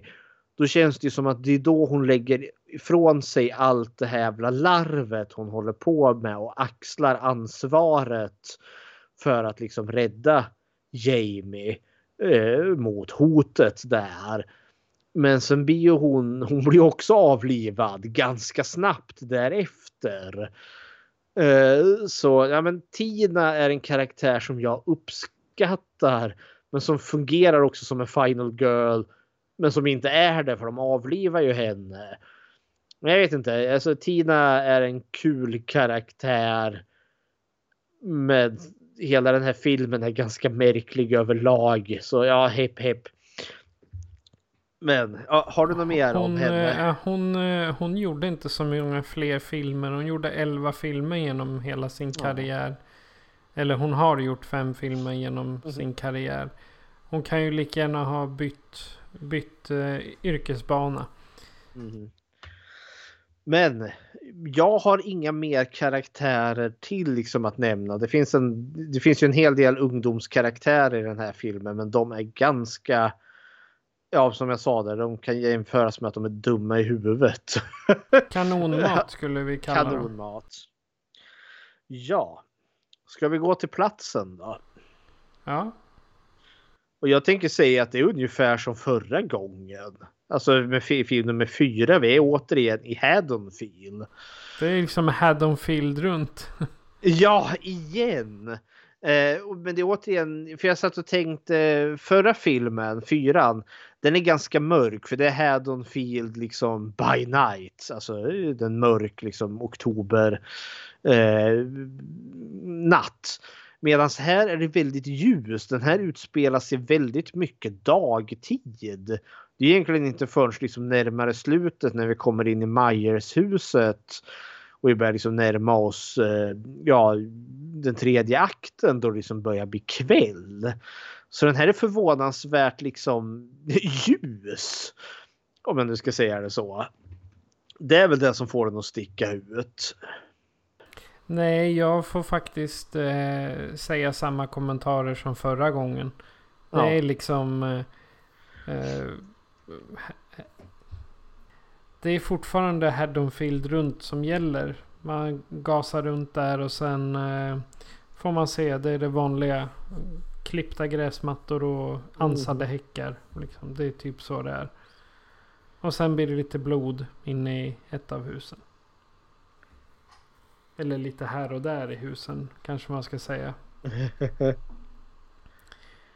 Då så, men eh, då tycker jag att vi kommer till det vill säga de två M-en. Michael Myers och morden. Exakt. Vad tycker du om Myers i den här filmen? I den här filmen är han ju spelad av Don Shanks. Eh, fick jag, och det är också en ganska stor man. Men jag tycker, alltså det är ingen jättestörre skillnad eh, mellan han och förra skådespelaren. Eh, men de har ju fuckat upp masken i den här. Jag vet inte vad designen var här. För han har ju sin arbetsoverall på sig, så har han den här vita masken. Eh, men i de alla andra filmerna så är ju halspartiet utav den vita masken nerstoppad i kragen på den här arbetsoverallen. Men inte i den här filmen. För Då sticker den ut. Så liksom som någon jäkla lampskärm. Och det ser jättefånigt ut tycker jag. Jag vet inte vad det är. Så den här masken är ful. tycker jag. Ja, det känns som att de har tappat bort originalmasken och sen gått och köpt någon så här eh, överstora gummihandskar och så bara, nej men klipp klipp så, prova den här nu. Den kan du dra Ja. över huvudet. Japp, den blir alldeles perfekt. Och Majs, det är ju inte den här, alltså den här långsamma. Alltså han är ju väldigt långsam visserligen när han går, men de får liksom inte till den här den här hotande sävligheten som han har. Utan istället så spinner de ju på att den här Michael Myers är ju, han är ju så plågad utav sin, sin, sin inre ilska. Han är the rage, han är så styrd av sitt hat, sin, sin frustration. Vi får ju till och med se Michael gråta, eller han fäller en tår här i slutet. Och att Jamie eventuellt kan liksom få honom att läkas på något vis. så att han äntligen kan släppa det här vredet. Och det funkar inte. Michael Myers är ett svart hål. Han ska inte gå och resonera med. Han ska liksom, det är det som har varit läskigt med honom tycker jag. Han hyser liksom, han är en maskin som bara traskar på och knivhugger dig. Men här går han ju att distrahera. Jamie kan ju liksom eh, applicera på hans känslor där. Eh, hon får ju honom att ta av sig masken. Det är ju då man ser den här tåren som rinner ner över ögat på han. Och vi får ju se han utan masken i den här filmen också. Och han var ju väldigt inte bränd i ansiktet. Hade bränd över händerna men ansiktet klarade sig bra tydligen. Men han var jäkligt mm, bränd i slutet på film nummer två. och i början på film nummer fyra hade han ju bandage över hela ansiktet. För att han var så sönderbränd. Men i film nummer fyra då har allting läkt jättefint och han har blivit långhårig också. Och det är också så här detaljer som stör. Hur jävla svårt ska det vara? Släng lite Freddy Krueger smink på han så eh, nej. Det här, nej, de fångar inte Michael Myers i den här filmen. Det är liksom inte The Shape som är ute och far utan det här är någon ilsken, hatfylld mördare för han Tina Uh, han, han kör ju iväg Tina vid ett tillfälle för hennes pojkvän heter ju Michael. Och han fe fejkar ju att han är Michael för han har på sig en halloweenmask där. Och så hoppar hon ju in i bilen där och pratar med honom och så hoppar hon ju fram och pussar han på kinden. Och då ser man ju hans händer bara liksom tajtar över ratten. Man förstår liksom att åh, han sitter där, han exploderar snart, han är så jävla arg. Ah! Jag tänker det är inte riktigt det som är Michael för mig. Utan han är ju det här kalla, tomma, eh, känslolösa. Så ja, jag vet inte. Nej, jag gillar inte att vi har liksom Rage-paketet Michael Myers här. Vad tyckte du om Myers? Jag tyckte han var en tråkig Myers här. Han var inte särskilt nyskapande. Det var... Nej. Jag tyckte han, han var ungefär likadan som i förra filmen. Det vill säga Halloween mm -hmm. 4. Fyra. Ja, fast mycket tråkigare. Det var, okay. Han var liksom så här lam. Det, det var som om... Ja, men tänk dig om man har bryggt kaffe och haft i för lite pulver. Det smakar mera vatten än vad det smakar kaffe. Liksom. Ja. Det, det, det, är den känslan jag får av Michael i den här filmen. Han må vara mordisk och må vara allmänt ja, farlig. Men eh, det är fortfarande inte den Michael som jag vill ha. Nej. Speaking of which ska vi gå över till morden. Då har vi mord nummer ett. Det är ju då den här hemlösa gubben som har Eh, ja, tagit hand om Michael Myers i ett år. Bara för att liksom ja, bli strypt eller ihjälslagen det första som händer när han vaknar. Mord nummer två. Det är ju Rachel, min favorit Final Girl från förra filmen, som får en sax i bröstet där. Mord nummer tre. Det är ju då Tinas douchiga pojkvän som heter Michael. Eh, som värdesätter sin bil mer än vad han värdesätter sin flickvän. Men eh, Michael dyker ju upp där och drar någon sån här räfsa, så trädgårdsräfsa är det väl, över lacken och då blir han skitsur och ska mucka gräl med Michael varpå Michael placerar räfsan rakt i huvudet på honom där. Splatt! Ingen förlust. Ingen större förlust. Mord nummer fyra. Det är ju då det här paret som har sex ute i laddgården och det är ju då killen då som ligger överst i sexakten som heter då Spitz som jag antar är ett smeknamn. Han får ju då en högaffel rakt i eh, ryggen så den kommer ut ur bröstkorgen på han. Mord nummer fem. Det är ju då kvinnan som han hade sex med som heter Samantha har jag för mig, eller Sandra. Och hon gör ju lite motstånd ändå. Det var lite kudos till henne. Hon tar ju högaffeln där som sitter i pojkvännen. Och liksom nej det här går inte för sig. Nu dra åt helvete Michael. Men Michael är beväpnad med en lie. Så han hugger halsen av henne med nämnda lie. Mord nummer 6 och 7.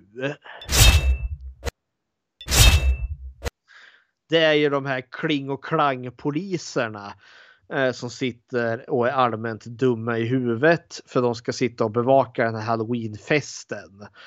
Eh, och de har ju innan liksom sett de här ungdomarna hålla på och latcha med just en Michael Myers mask liksom haha, eh, skrämde poliserna men det var ju de egentligen. Så nu när Michael kommer på riktigt då tror de att det är någon av ungdomarna där. Men han kommer där beväpnad med den här högaffeln som det bara droppar blod om. Och poliserna liksom ja, nu slutar du upp och dummar dig. Och sen får vi inte se vad som händer men vi hittar dem döda sen i polisbilen med liksom små sticksår i halsen. Så jag antar att Michael högg ner dem med högaffeln där.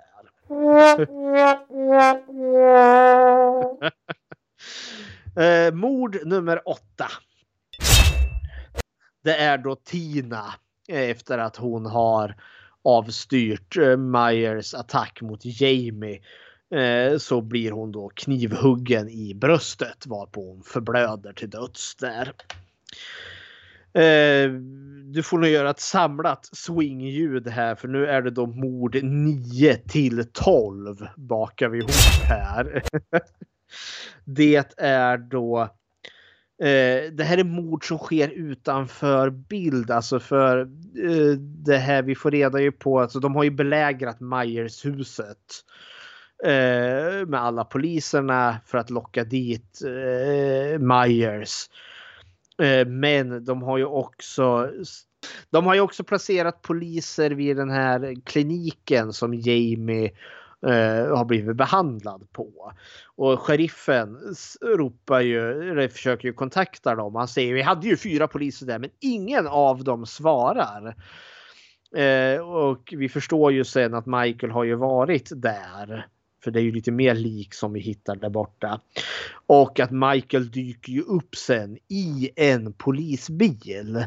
Så då förstår vi ju att ja, men han har ju varit där. Så det är fyra poliser där som har blivit mördade på okänt sätt utav Michael Myers. Sen då, mord nummer 13. Är då en stackars polis som blir kvar eh, för efter att de har förstått att Myers har slagit ihjäl poliserna ute vid kliniken så sticker ju alla iväg och lämnar Jamie ensam kvar där med två poliser och Dr. Loomis. Och eh, Myers gör ju processen kort med en av poliserna då han slår sönder rutan och tar tag i huvudet på polisen och bara dunkar den upprepade gånger mot ratten tills han är död. Mord nummer 14. Är då den här polisen som heter Charlie som är där för att skydda Jamie.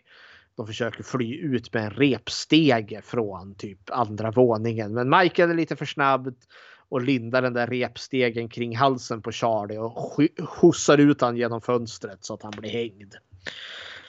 Mord nummer 15.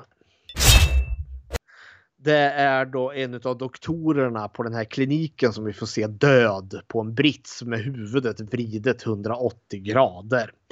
Mord nummer 16 ett till lik på en bår där då, som vi förstår är den kvinnliga sjuksköterskan som har tagit hand om Jamie under den här filmen. Eh, sen får vi ha ett samlat här då, eller en stor explosion kanske. Mord nummer 17 till 24.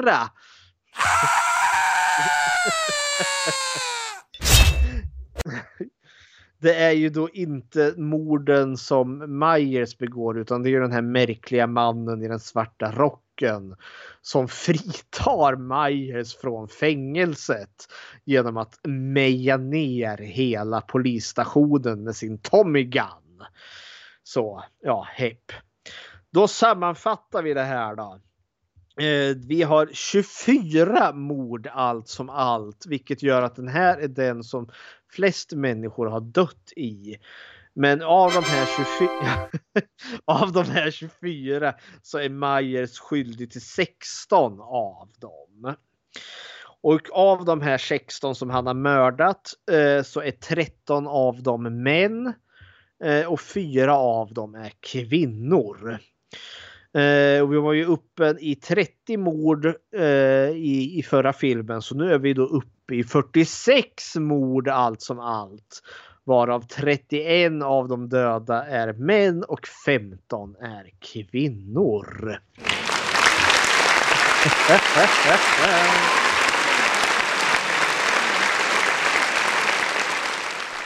Apropå kvinnor då, eh, har du gjort något Bechteltest? Det har jag faktiskt. Och vi har ju återigen, vi har Jamie, vi har Rachel, vi har Tina. Eh, vi har också även Samantha där, hon som varit mördad med lien. Eh, samtliga kvinnliga karaktärer möter varandra. Eh, och vi har en scen med Rachel, Tina och Jamie där de pratar om eh, halloweenkläder. För Jamie vill vara en prinsessa. Eh, hon vill ändå så liksom testa på att eh, ha halloween igen.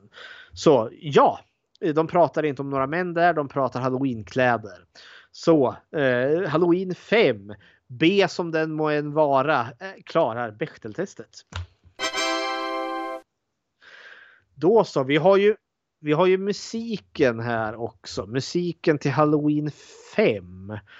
Vilket blir ett litet längre klipp för den här musiken skiljer sig markant från de andra filmerna. Take it away Patrik.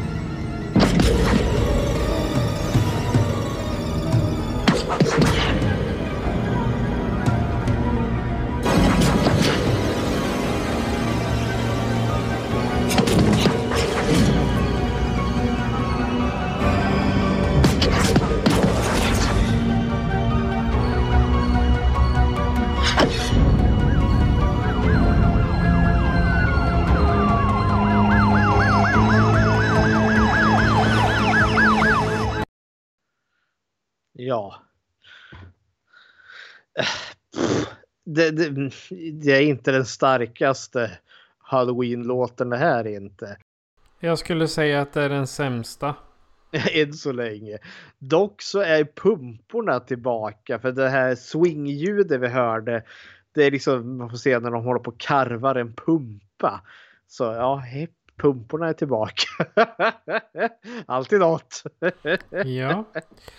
Men eh, då kastar vi oss in i en kult och Eh, runifierar oss och hoppar direkt in på filmen Halloween 6 The Curse of Michael Myers från 1995.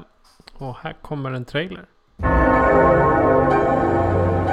Every legend is based on fact.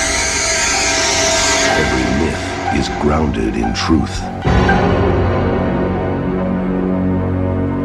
17 years, the town of Haddonfield, Illinois has been haunted by a night when evil roamed the streets and a madman ruled the night. Everyone knows his name. Now, everyone will know the truth. I knew what he was, but I never knew why.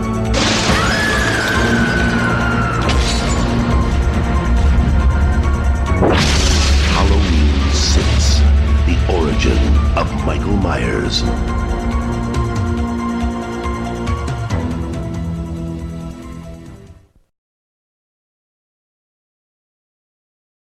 Sex år efter att han signade ner död i en eldsvåda är den psykotiska seriemördaren Michael Myers tillbaka. Det är Halloween och medan invånarna i Haddonfield tror att det är fritt fram att fira Halloween igen slår Myers till i en orgie av våld. Det här är ännu en film i den klassiska skräckserien som kommer lämna dig med spända nerver och galopperande puls. Hmm. Ja, Fredrik, vad tycker du om Halloween 6? nu, alltså det här är ju en... Det här, den här filmen är en brinnande katastrof. och det, det är väl... Den här filmen är väl kanske mer fascinerande med sin bakgrundshistoria då man liksom vet att det var en pesh att göra den här filmen. Eh, det är liksom så många skådespelare, alltså regissörer, personer som höll på med ljus, ljudteknik, alltså kosmetika, har tog sina händer ifrån den här och sa att det här är nog den vidrigaste filminspelning jag någonsin har varit med på. Eftersom att det var de som var ansvariga för det här, liksom, de kunde inte samsas. Det var sandlådenivå tydligen. Folk gapade och skrek på varandra. Så det var en shitshow.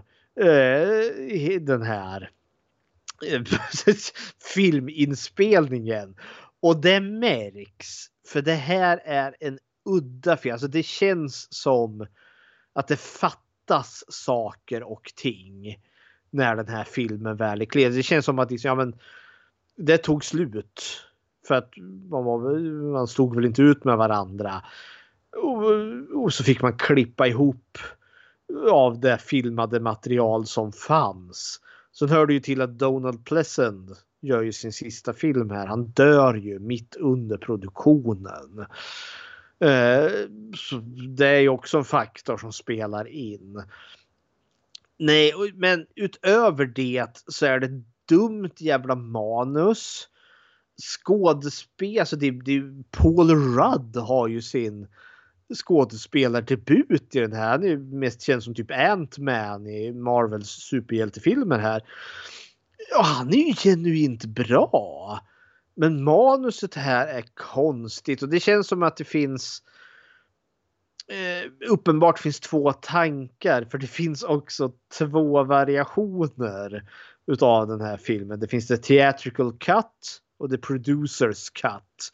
Det visade sig i slutändan att jag har sett the theatrical cut och du har sett the producers cut. Ja. ja. Eh, men det, och det, det är markanta skillnader de sinsemellan. Men du vet när vi, eh, när vi räknar morden sen då kommer det vara The Theatrical Cuts mord. Eh, som vi går igenom.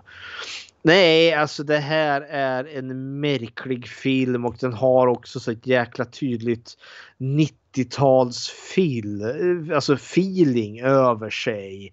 Det är konstigt överlag. Det är väldigt, alltså det finns inga karaktärer jag direkt bryr mig om. Eh, Paul Rudd är jättekonstig från början till slut. Eh, film, nej det, det, är bara det är ganska blodigt förvisso. Ganska väl, alltså produktionsmässigt känns den ganska snygg och allt det där. Och de har fått in en ganska bra Michael Myers. Men alltså det här, eh, det är en brinnande katastrof till film. Eh, och ja, hepp.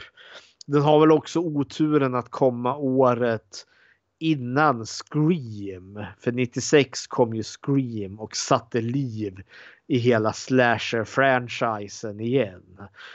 Så jag menar Halloween 6, The Curse of Michael Myers är ju verkligen gjord då slasher-filmerna eh, ja, har ju spelat ut sin roll. Bara för att året senare få en ny revival. Ja, ja, Eh, mina tankar om Halloween 6. Vad är dina tankar kring Curse of Michael Myers? Alltså eh, Halloween 6 innehåller de dåliga minnen som fans har. Alltså Avskydda anses vara en av de sämsta i serien. En konstig Halloween-film. Men eh, trots det så tyckte jag om den. Det, det kanske inte är de, de, kanske inte av de bästa anledningarna men jag gillar det ändå. Och den mm. första anledningen är att eh, det är sista filmen med Dolan Press, Pleasant. Eller Dr. Loomis. Och mm. han är ju liksom en, en del i Halloween-själen så att säga. Mm. Och det, det blir inte... Den är inte hel utan den ursprungliga Dr. Loomis. Men när den här filmen spelades in så var han 75 bast och om jag förstod det rätt så var han ganska sjuk också. Mm. Oavsett vilket då så min andra orsak är nostalgi. Mm -hmm. För det här är precis som dig så är, hör Halloween till en av de första slasher-franchiserna som jag såg. Och just eh, Halloween 6 är ju liksom det är nostalgi även om det är skitnostalgi. Så. Jag, säger, jag, jag hade precis som dig, jag såg typ del 3 först tror jag. Och sen eh, gick jag tillbaka och tittade på de andra. Och sen eh, tre, tredje anledningen för att jag tycker om den här är att Michael Myers är stor och dålig. Men han är skrämmande som en stor boogeyman.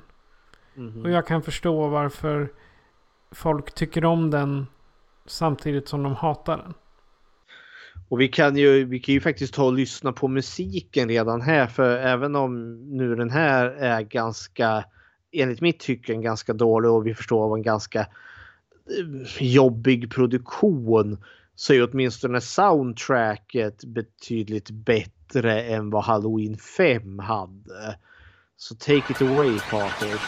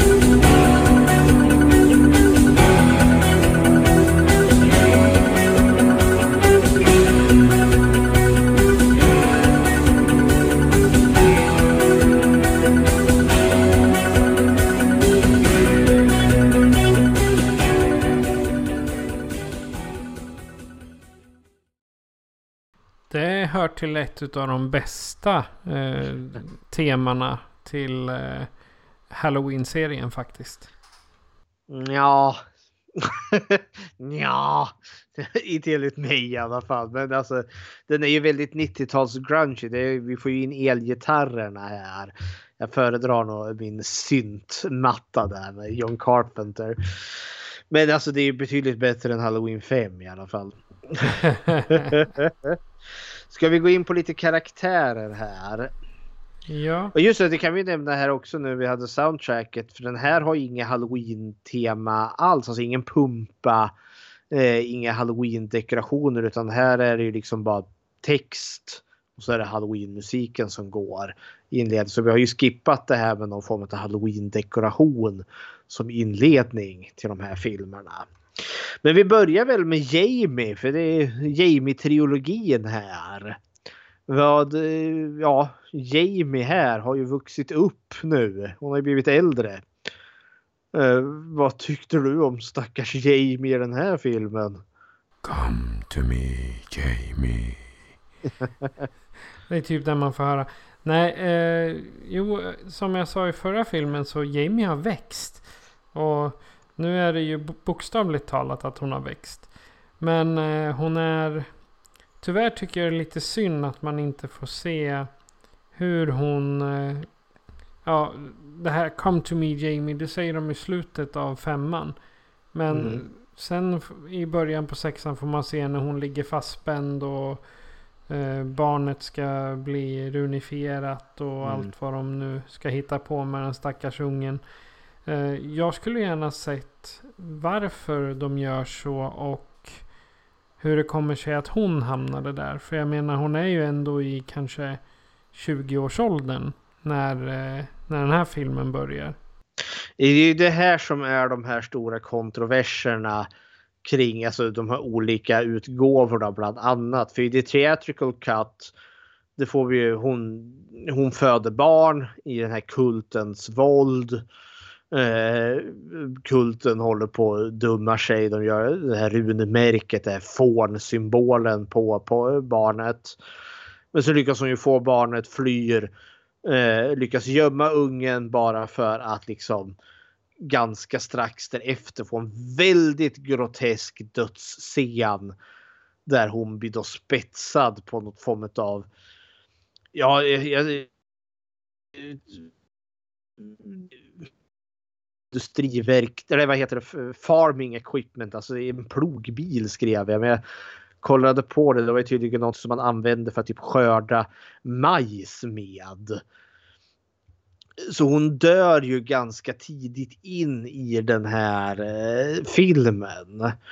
Men den stora skillnaden mellan theatrical och eh, eh, vad heter det, producers cut är att i producers då förstår vi att eh, hon har typ hållit fången utav den här kulten. Hon, de typ kidnappar henne i slutet utav film nummer fem. Eh, och den här Tornkulten, det är de som styr Michael Myers tydligen.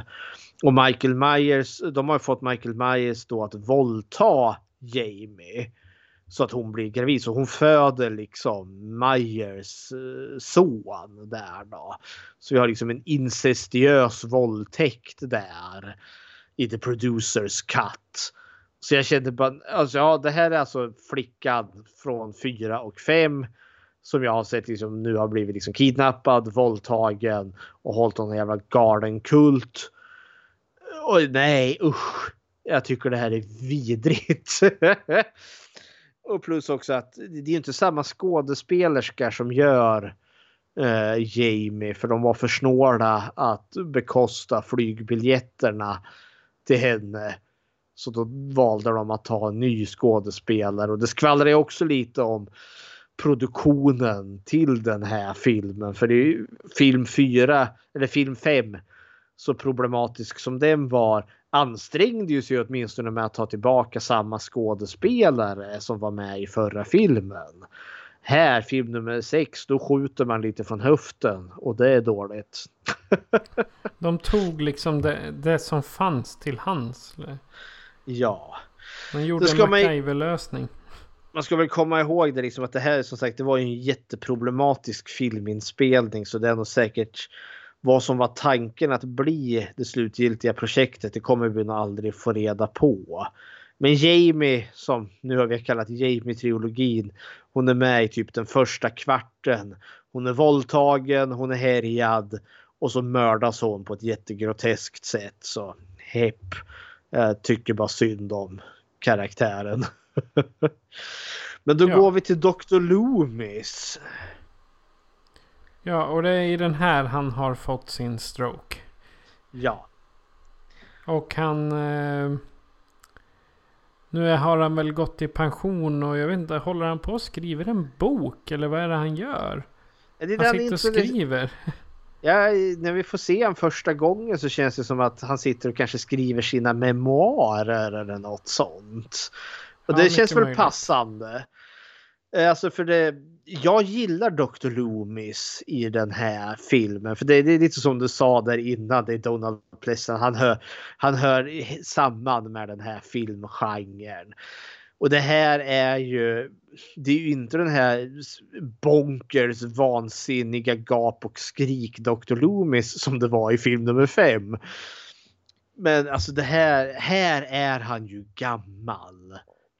Och det märks. Han har inte längre sminket. Det här bränd i ansiktesminket. Det är borta. Så det är ju så en kontinuitetsmiss. Men fuck it. Han var liksom 75 år. Jag köper det. Men så kontinuerligt är det faktiskt inte. För han säger också att jag har haft, jag har gjort plastikoperationer. Det var dyrt som fan men Ja. väl värt det. Ja, det måste vara med i producers cut då, för det är inte med i theatrical cut. Ja, Han, eh, han säger det i, eh, ja när han kom, jag vet inte om det är en annan läkare. Dr. Wynn är det väl som Ja, kommer till Dr. honom. Wynn. Ja, Men det är när han kommer och besöker honom. Då eh, Ja, ja, ja. säger han att du har förändrats. Ja, jag har fått plastikoperation typ. Ja, okej. Ja, men eh, han är ju inte med så mycket. Han dog ju som sagt. Men han är ju mer, alltså det känns ju mer som Dr. Loomis från film nummer ett än Dr. Loomis från uppföljarna egentligen. Men det, det är mysigt, alltså det är trivsamt med, med honom. Uh, men han är inte med så mycket överhuvudtaget.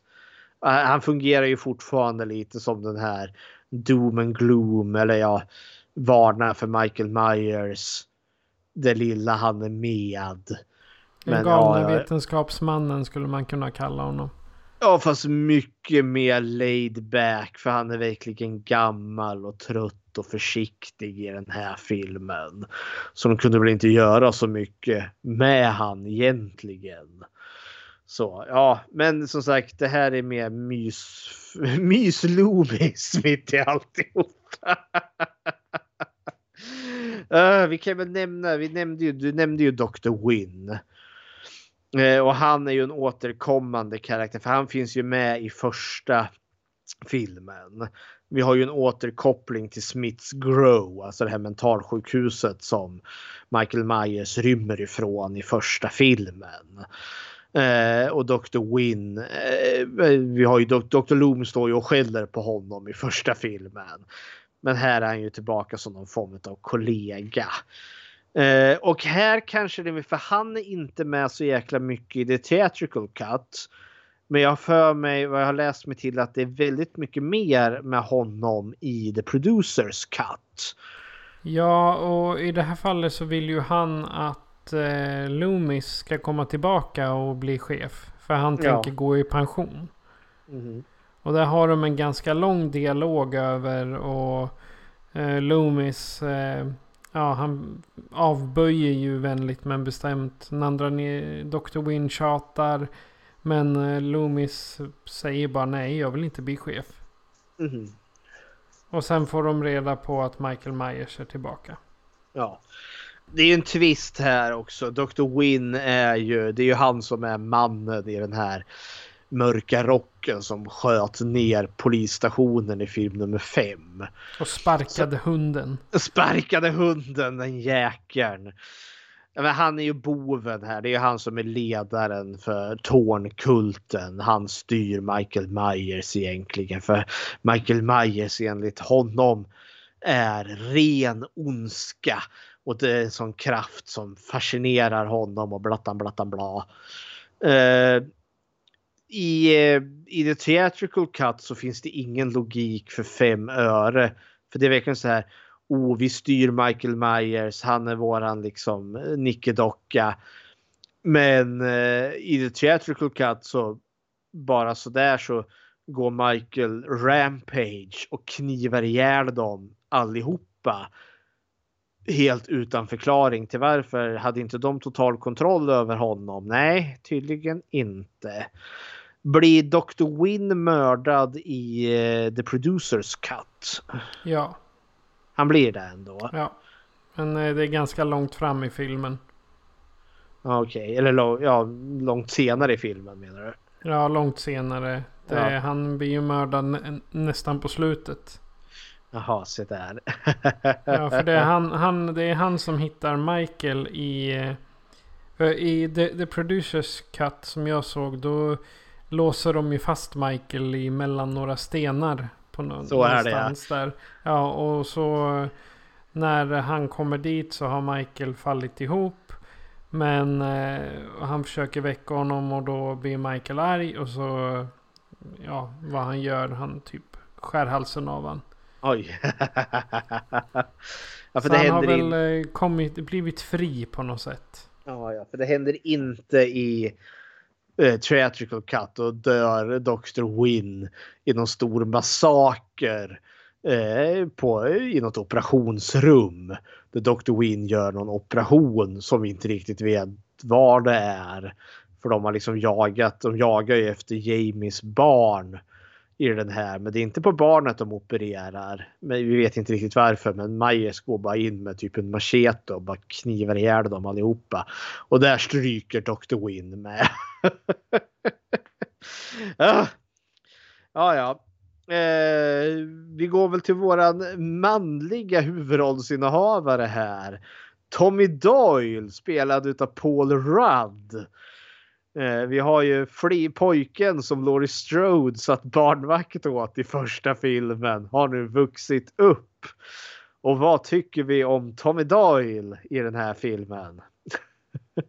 alltså jag trodde först det var eh, han ifrån eh, Buffy som spelar eh, killen där. Sander. Sander ja, precis. Jag, jag trodde det var han först för de var så sjukt lika i den åldern.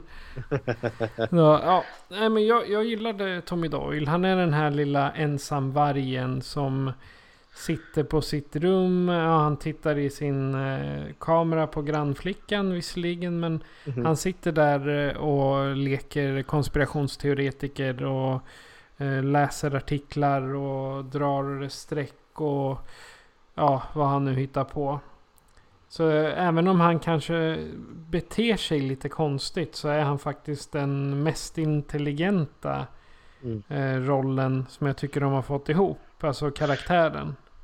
Och här har vi återigen det här problemet med de här två olika klippningarna utav den här filmen. Uh, för jag, jag har ju inte sett The Producers Cut ännu men många som jag har sett recensera den och hört och som du beskriver det nu så är ju den betydligt mer, mer karaktärsutveckling i. För Tommy Doyle i The Theatrical Cut som jag såg. Alltså det, det, det är en sån jävla märklig karaktär. Som jag, alltså, jag kan liksom inte förstå att han inte är inlåst någonstans. För det, det, det, det visst, han, är, han sitter och tittar på granntjejen där. Men, och han har konspirationsteorier. Men alltså. Han är så unlikable. Han har ingen reaktion mot någonting. Han är liksom som att han går på något emissionsdämpande hela filmen. Och de introducerar saker att liksom att han är den enda som kan besegra Michael Myers. Men det händer ingenting med. Men i The Producers Cut så är det ju han som gör de här magiska ritualen för att stoppa Myers. Så då har vi ju en återkoppling. Men de har valt liksom att behålla att han är the chosen one. Men det finns ingen ja, varför då? För i The Theatrical Cut så besegrar de Michael Myers bara med att sopa ett järnrör i ansiktet på honom så jävla hårt så att han faller omkull. Det tror jag inte Paul Rudd behövde vara the chosen one. Det behövde vara någon tillräckligt stark med ett järnrör för att kunna göra det. Nej men alltså. Alltså i, i Han- The Producers Cut så är Tommy Doyle. Han är väl kanske lite för. eh, För intelligent för sitt eget bästa. För att inte han kan ju verka konstig. Om man säger så. Men han är jättemärklig i, i The Theatrical Cut. För han liksom står... Det är någon scen han ska få ut Cara som är inlåst i, i, på mentalsjukhuset där. Och så kommer Michael gåendes liksom långsamt emot honom. Han, ska, han behöver slå upp dörren med hjälp av en brandsläckare. Och han bara står och flinar liksom. Eh, eh, liksom som att han liksom. Vi ska ha den här scenen ungefär som att oh, man har det här liksom lite stressade flinet. Men de drar ut det alldeles för länge som att han står där liksom och bara ser fånig och dum ut. Och jag tänker liksom, det, vi ska ha en stressande situation här nu. Michael Myers är på ingång. Han måste få ut henne ur rummet innan Myers får fattan. Istället så får vi liksom där han bara står och goofar runt en liten stund och ser fånig ut och le, ler och fjantar mot Myers. Och liksom som att det ska vara någon edgy. Och han är så konstig och liksom lite edgy där. Och jag kände bara det här är ett jävla ufo. Det finns liksom... Nu, nej, alltså... pff, Paul Rudd är en bra skådespelare. Men här är det bedrövligt tycker jag. Och karaktären är fullständigt unlikable. Och bara att alltså, är trälig. Alltså om, om Laurie Strode från film nummer ett är jättekarismatisk och eh, Annie och Linda. Jag bara älskar de karaktärerna. Så finns det ingen karaktär jag älskar i den här filmen. Jag är snarare mer förbryllad över Tommy Doyle i, den här filmen. Men återigen, det är som den här filmproduktionen var ju liksom en brinnande katastrof. Så det är ju varför liksom, vad hade Paul Rudd att arbeta med? Ja, det vette fåglarna. Alltså det, det du beskriver, att du beskriver honom som korkad och lite så efter i the theatrical edition. Mhm. Han, alltså han är jätteintelligent och har väldigt intelligenta dialoger. Det är, han, det är liksom han som, spo, som spiller över vad, vad det, det beror på. Varför Myers gör som han gör. Han har hittat historia. Och, liksom han är, och det är han som hittar bebisen också framförallt. Ja men det, det hände ju även i, alltså han hittar bebisen i Theatrical Cut också, vilket också är en helt... Eh, Jamie gömmer bebisen på en eh, bussterminal. Ja. Eh, och ingen har hittat bebisen på liksom ett helt dygn förrän Paul Rudd kom dit. Och det är till och med blod utsmetat på väggen där. Men eh, den här biten att, med, att han liskar ut vem Myers är och hans liksom Alltså det finns inte med i The Theatrical Cut för fem öre utan där är Paul Rudd bara liksom en märklig jävla freak som inte har eh, som inte kan reagera som en normal människa. Men vi har liksom bara klippt bort alla de här liksom där han har liskat reda på informationen om Myers och fånkulten och allt det där. Så eh, han blir ju bara udda filur. Så ja, Men i The Producers Cut så får han mera eh, karaktärsutveckling. Ja, för det, om man nu ska sammanfatta som vitt jag förstått är de stora skillnaderna de här två klippen sinsemellan är att The Producers Cut har mer handling, mer dialog medan Theatrical Cut har mer våld och sex. typ. Ska vi gå till våran kvinnliga eh, huvudrollsinnehavare Karen Stro- eller Cara Strode. Cara Strode ja. Ja. Eh, eller eh, Marianne Hagen som hon heter egentligen.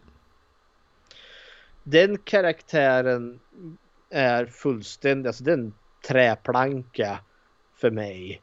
Ja, hon är jättetråkig. Ja men jätteträ. Det enda som jag tyckte var spännande här var just att det var namnet Strode. Så jag undrar, det här, det är ju släktingar då till Laurie Strode. Men jag förstår, det var inte liksom inte den familjen som Laurie Strode växte upp med utan det blir Laurie Strodes Kusin det? eller något sånt. Ja, eh, kusinfamiljen där. För det, det är hennes pappas bror Eh, som är då fadern i den här familjen. Eh, så det är han som då bär namnet Strode. Eh, nej, här skyller jag väl på eh, återigen liksom den här tra, alltså dåliga mm, filminspelningen, alltså filmproduktionen. För hon, hon har verkligen inget att tillföra. Alltså hon, hennes son Danny Strode heter väl han. Även eventuellt att han ska bli den som ska bli den nya Michael Myers för att han hör röster tydligen så som Michael Myers hörde röster när han var barn.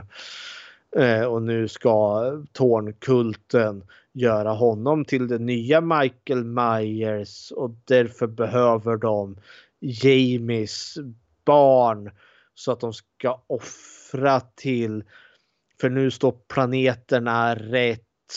Men vi har redan Michael Myers. Vi behöver byta ut. Det finns ingen förklaring. Det är bara oh. Nej. Jag, jag kommer här- bara tänka på Wake Me Up When, eh, when the Cult Ends. Liksom. Ja. ja, men den här filmen är så förvirrande. Stackars uh, Ca- Cara Strode tillför inte mycket. Hon, hon ska vara den stressade kvinnan, alltså stressande modern där. Vi har lite den här som håller på att förlora sitt pojke till den här kulten. Eh, men hon blir också the damsel in distress för hon blir kidnappad och satt på mentalsjukhuset där det kulten håller på och dyrkar torn. Eh, nej, det, det är bara en cluster. Alltså det, var, det var ett virrvarr utav plot holes och hela filmen blir bara helt orimlig. Men jag, jag vet inte riktigt varför de skulle kasta in Cara. Men om det då var att det var klipp och klistra lite här och var och många Ja. goda viljor. Då ville de säkert ha med Cara. Så att hon och Jamie i slutändan skulle slå sig ihop och spöa skiten ur Myers igen. Men då, Ja, men- precis som vi, när vi har pratat nu, att theatrical och producers är ju två helt olika. Och det finns Ja. säkert en tredje klippning också som ingen, som ingen vågar visa för att den är så dålig. Ja, du. Jag har inga mer karaktärer. Alltså, det finns mer karaktärer men eh, ska man sammanfatta dem så är i stort sett alla vidriga och hemska. Vi har någon vidrig radioreporter som bara vill eh, klämma kvinnor på brösten och snacka sex och vara vidrig. Vi har eh, pappa Strode där han är hustrumisshandlare. Eh, brorsa Strode är dum i huvudet och ska ha sex i Michael Myers säng. Så liksom nej, det är bara IQ fiskmås hela vägen. Ska vi snacka platsen? Ja. Eh, ja. Var, var skulle du säga att vi är någonstans?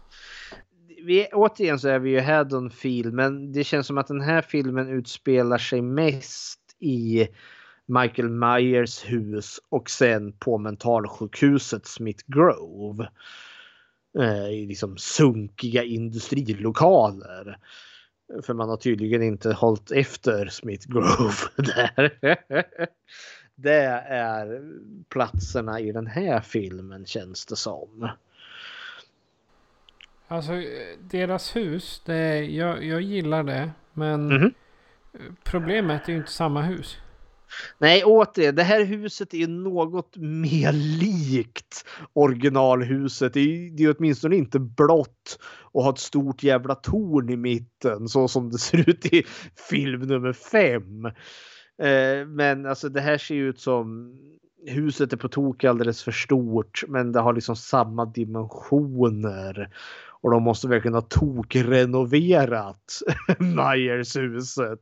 För det var ju fallfärdigt i första filmen. Men ja, ja.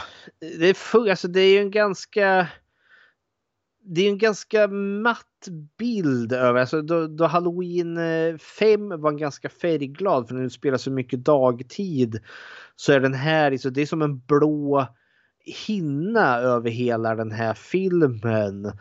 Uh, och den är väldigt, den känns liksom mycket dyst eller mörkare i sin färgton. Ett som jag ska ge den här att den här känns ju verkligen höst. För den här verkar som att den är inspelad på hösten. Alltså löven är grön, eller röda och gula och det är fullt med liksom löv över hela bäck, över marken. Så den här är liksom den första halloween-filmen som verkligen känns som att nu är det halloween. Totally. Totally.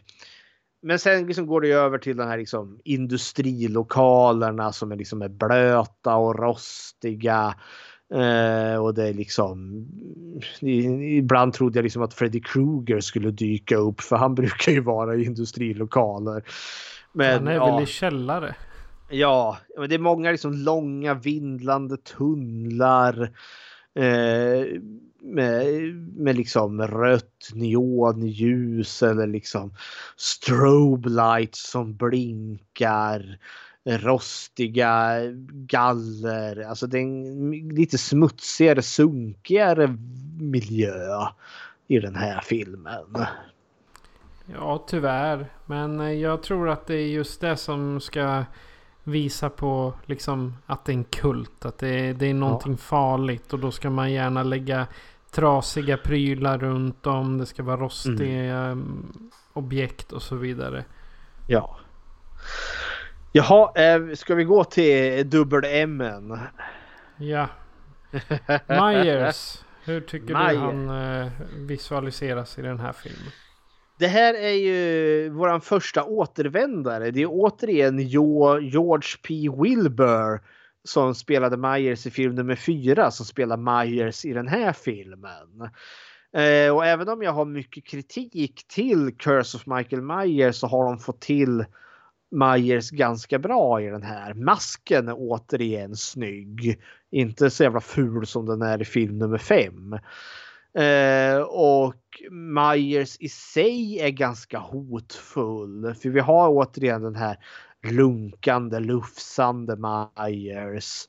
Och det fanns en scen som jag tyckte var genuint effektfull. När eh, Cara ska rädda sonen där och hon sopar ner Myers med eldgaffel. Varpå han rasar ihop och blir liggande i dörröppning. Varpå hon står på ena sidan och sonen på andra så måste hon liksom coacha sonen att liksom kliva över Myers som ligger där till synes medvetslös. Och det är han ju såklart inte för han ploppar ju tillbaka till liv där och skräms lite. He never dies. He never dies, men det tyckte jag det var en ganska det, det var en ganska kul tanke om inte annat. Liksom, ja, hon måste liksom sonen som hon försöker skydda måste bokstavligen kliva över mördaren för att komma till henne. Det var en ganska kul grej. Nej men eh, vad tycker du om Myers i den här?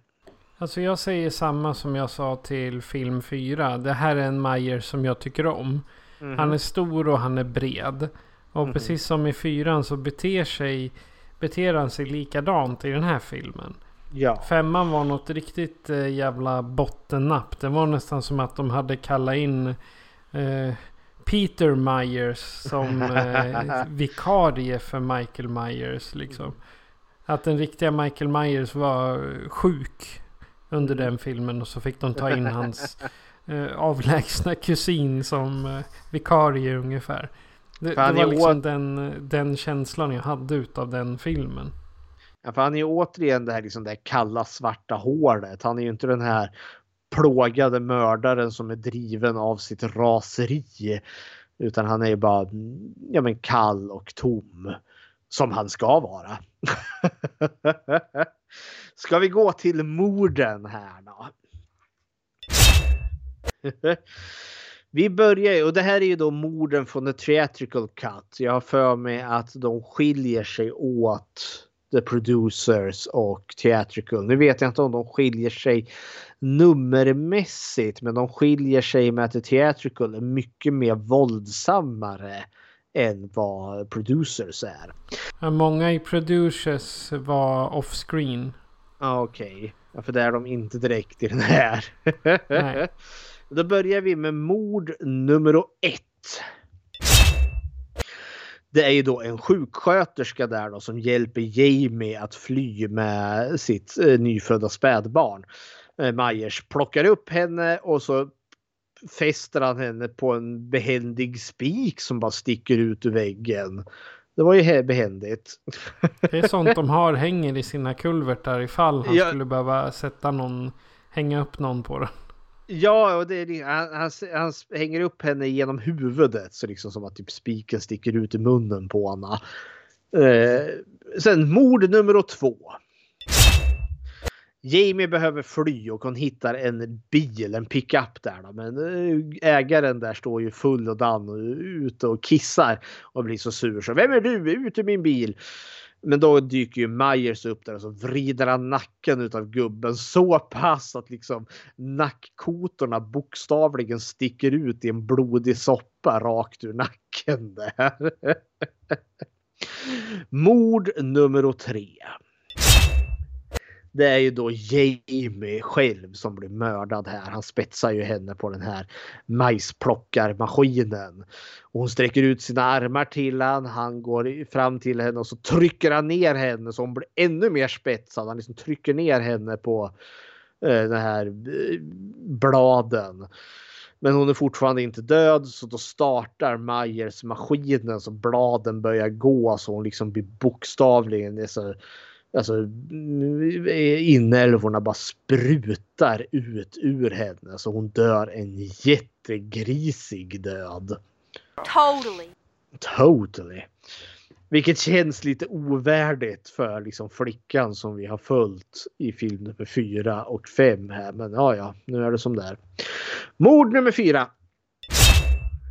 Det är då Deborah Strode, eh, kvinnan som blir slagen av sin make där. Hon är ute och springer i panik där i tvätten. Men så står ju Michael där med en yxa i högsta hugg och sen blir det bara slask så är hon död. Mord nummer fem. Det är då John Strode, hustrumisshandlaren själv där. Som är nere och inspekterar tvättmaskinen varpå Myers kommer där med sin stora kniv. Kör den rakt igenom honom och in i ett proppskåp. Så att han får så mycket elstötar så att huvudet bokstavligen exploderar i någon köttig sörja där. Och i The Producers Cut så får han bara bladet i huvudet. Jaha, Ingen el. Ingen el. Eh, mord nummer sex. Det är då på den här otrevliga eh, radioprataren som heter Barry. Eh, som eh, blir då uppsprättad från mage till strupe utav Michael Myers. Mord nummer sju är då den här eh, brorsan Tim Strode som ska ha sex i Michael Myers säng där. När han inser att de är i Myers huset. Men han får då halsen avskuren utan Michael Myers med en stor kniv. Mord nummer åtta. Det är då kvinnan som han hade sex med. Eh, som blir då som heter Beth. Och hon blir då överraskad utav Michael Myers som knivhugger henne flera gånger i ryggen. Mord nummer 9. Är en jättemärklig scen för Paul Rudd ska rädda Cara som har blivit, hålls fången in i Smiths Grove. Eh, i kulvertarna där träffar han en mentalpatient som springer omkring och skriker. Och hon säger oh, you're doomed, you're doomed. Hon är jättekonstig, hon har jätteäckliga tänder. Men det visar ju sig att hon är knivhuggen i magen utav Michael Myers. Och så faller hon ihop i en liten hög och dör. Det kommer från ingenstans, ingen förklaring. Det är bara random as all hell. Men så kan Den det gå. kan jag inte minnas finns med i Producers Cut. Ja, Dock. se där. Sen får vi nu en, det får nog bli ett samlat eh, jätteswing-ljud nu för nu kommer superduper mega fläskmassakern som sker. Så mord nummer 10 till 19.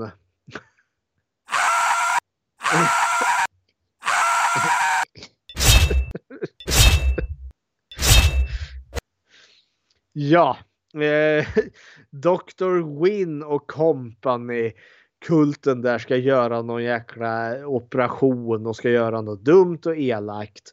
Och jag var tvungen liksom att pausa och räkna men jag fick det att det var 11 personer där allt som allt.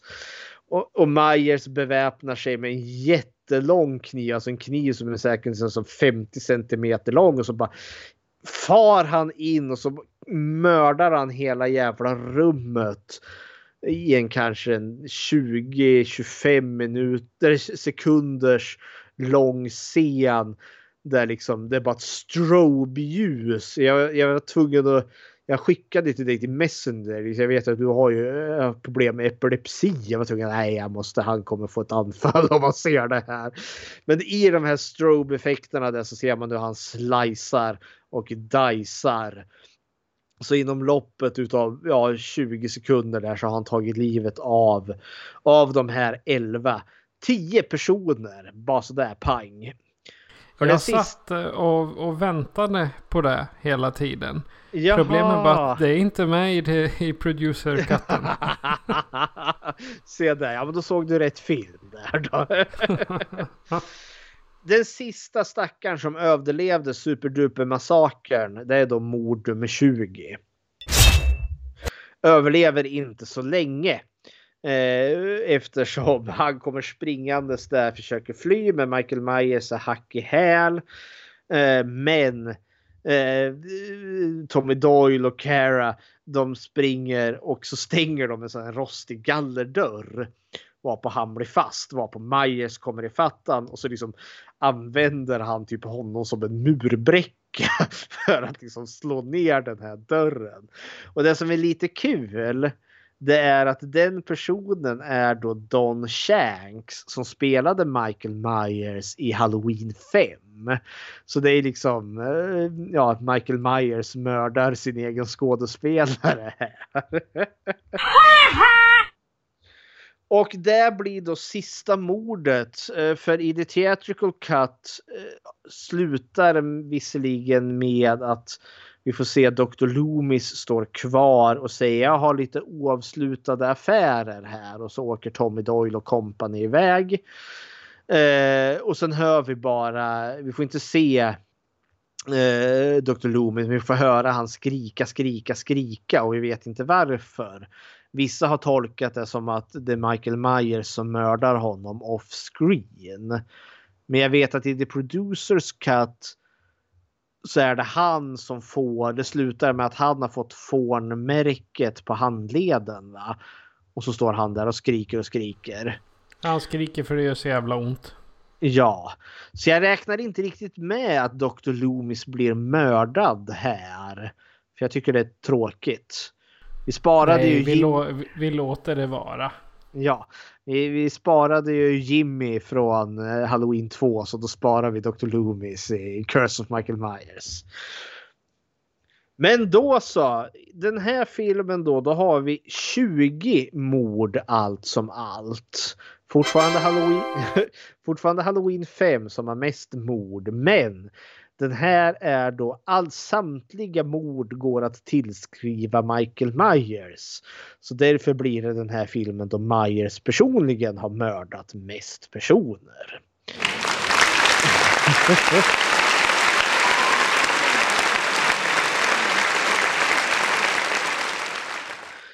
Av de här 20 morden är 13 män och 7 är kvinnor. Vilket gör att vi landar i en slutsiffra utav 66 döda nu totalt. Och av de 66 är 44 män och 22 är kvinnor. Hör och häpna. och mer ska det bli. Ja. Okej, när vi ändå pratar jämlikhet och kön så har du gjort något Bechteltest? Det har jag. Eh, vi har ju flera eh, namngivna kvinnor. Vi har Jamie, vi har Cara Strode, vi har Deborah Strode. Eh, som är då eh, namngiven efter Deborah Hill som var med och producerade många av de här filmerna. Så det var ju lite roligt. Eh, Cara Strode och Deborah Strode träffar varandra vid en scen vid frukosten där då, eh, då, då hon, eh, ja då, då Cara blir slagen i ansiktet av sin pappa där. Mm, där sitter de visserligen, för grejen är de ska ju, om de träffar varandra, pratar om någonting annat än män. Och det gör de för de pratar liksom om inte, för Debra är väldigt liksom mån om att Cara ska äta sin frukost. För Cara håller på och studerar. Eh, och jag tänker de pratar liksom inte om pojkvänner. Det finns liksom inga direkta män i, i den diskussionen. De pratar om hennes son Danny förvisso. Men jag känner att det är inte riktigt det jag tolkar när de säger liksom om de pratar med varandra, pratar om någonting annat än män. Eh, Där pratar de ju om familjelivet.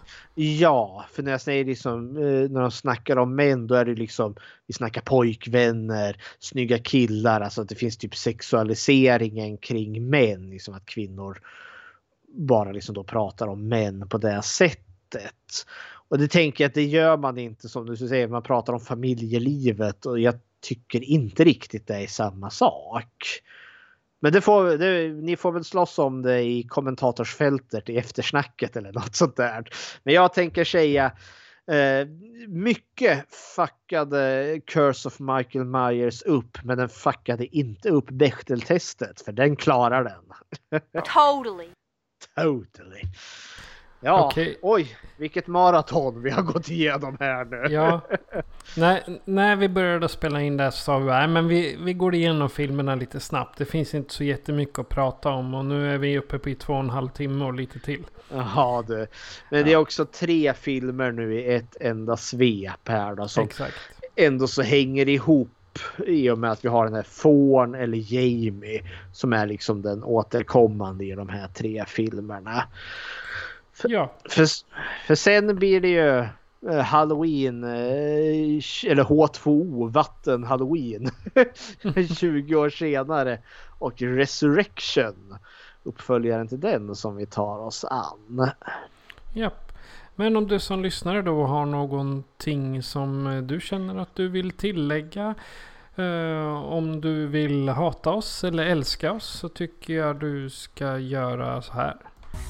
Skräckfilmscirkeln presenteras av Patrik Norén och Fredrik Rosengren. Produktion FPN Productions. Besök skräckfilmscirkeln.com för att hitta var du kan lyssna på oss, hur du kan kontakta oss och hur du kan stödja oss. Vill du diskutera filmerna i podden är du välkommen att gå med i vår grupp på Facebook som heter Skräckfilmscirkeln Eftersnack. Tack för att du lyssnar.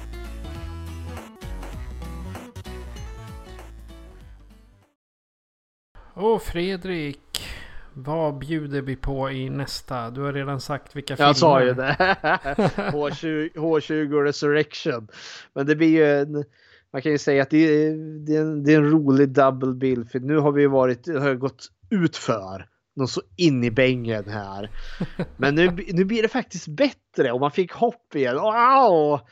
Och så går det ut för ganska omgående igen. Så det, det är liksom, vi har flatlinat nu men nu har man fått igång hjärtat igen. Och bara fått flatlina igen. så ja, men H20 och Resurrection. Film nummer 7 och 8 egentligen. Så hepp hepp. Okej. Men eh, då har vi egentligen bara en sak kvar att säga. Det är att jag heter Patrik. Och jag heter Fredrik. Du har lyssnat på Skräckfilmscirkeln. Adjö på er. Ajaken. 1963 in Haddonfield, Illinois, there would be a gruesome case of sibling rivalry between kids in the Myers family. When Michael, a six-year-old leisurely, walked into his sister's room silently and butchered her body so violently, he left for a mental facility. And when the state hospital deputy relaxed the maximum security, then Michael would stop waiting patiently for another chance at a murder spree. His doctor, Sam Loomis, tried legally to put him away for eternity. Said my patient has no humanity, but others did not exactly agree. They said Michael was the epitome of the ideal patient's activity. No crying, no talking, no moving. He would just sit and stare absent-mindedly. Yet 15 years later, he wandered free by breaking out from his captivity. Now all he had left to do was to flee back to his old peaceful community, where his house was sold by Strode Realty, whose daughter became inevitably the son. FPN Productions. Even when we're on a budget, we still deserve nice things. Quince is a place to scoop up stunning high-end goods for 50 to 80% less than similar brands. They have buttery soft cashmere sweaters starting at $50, luxurious Italian leather bags, and so much more. Plus, Quince only works with factories that use safe, ethical, and responsible manufacturing. Get the high-end goods you'll love without the high price tag with Quince. Go to quince.com slash style for free shipping and 365-day returns.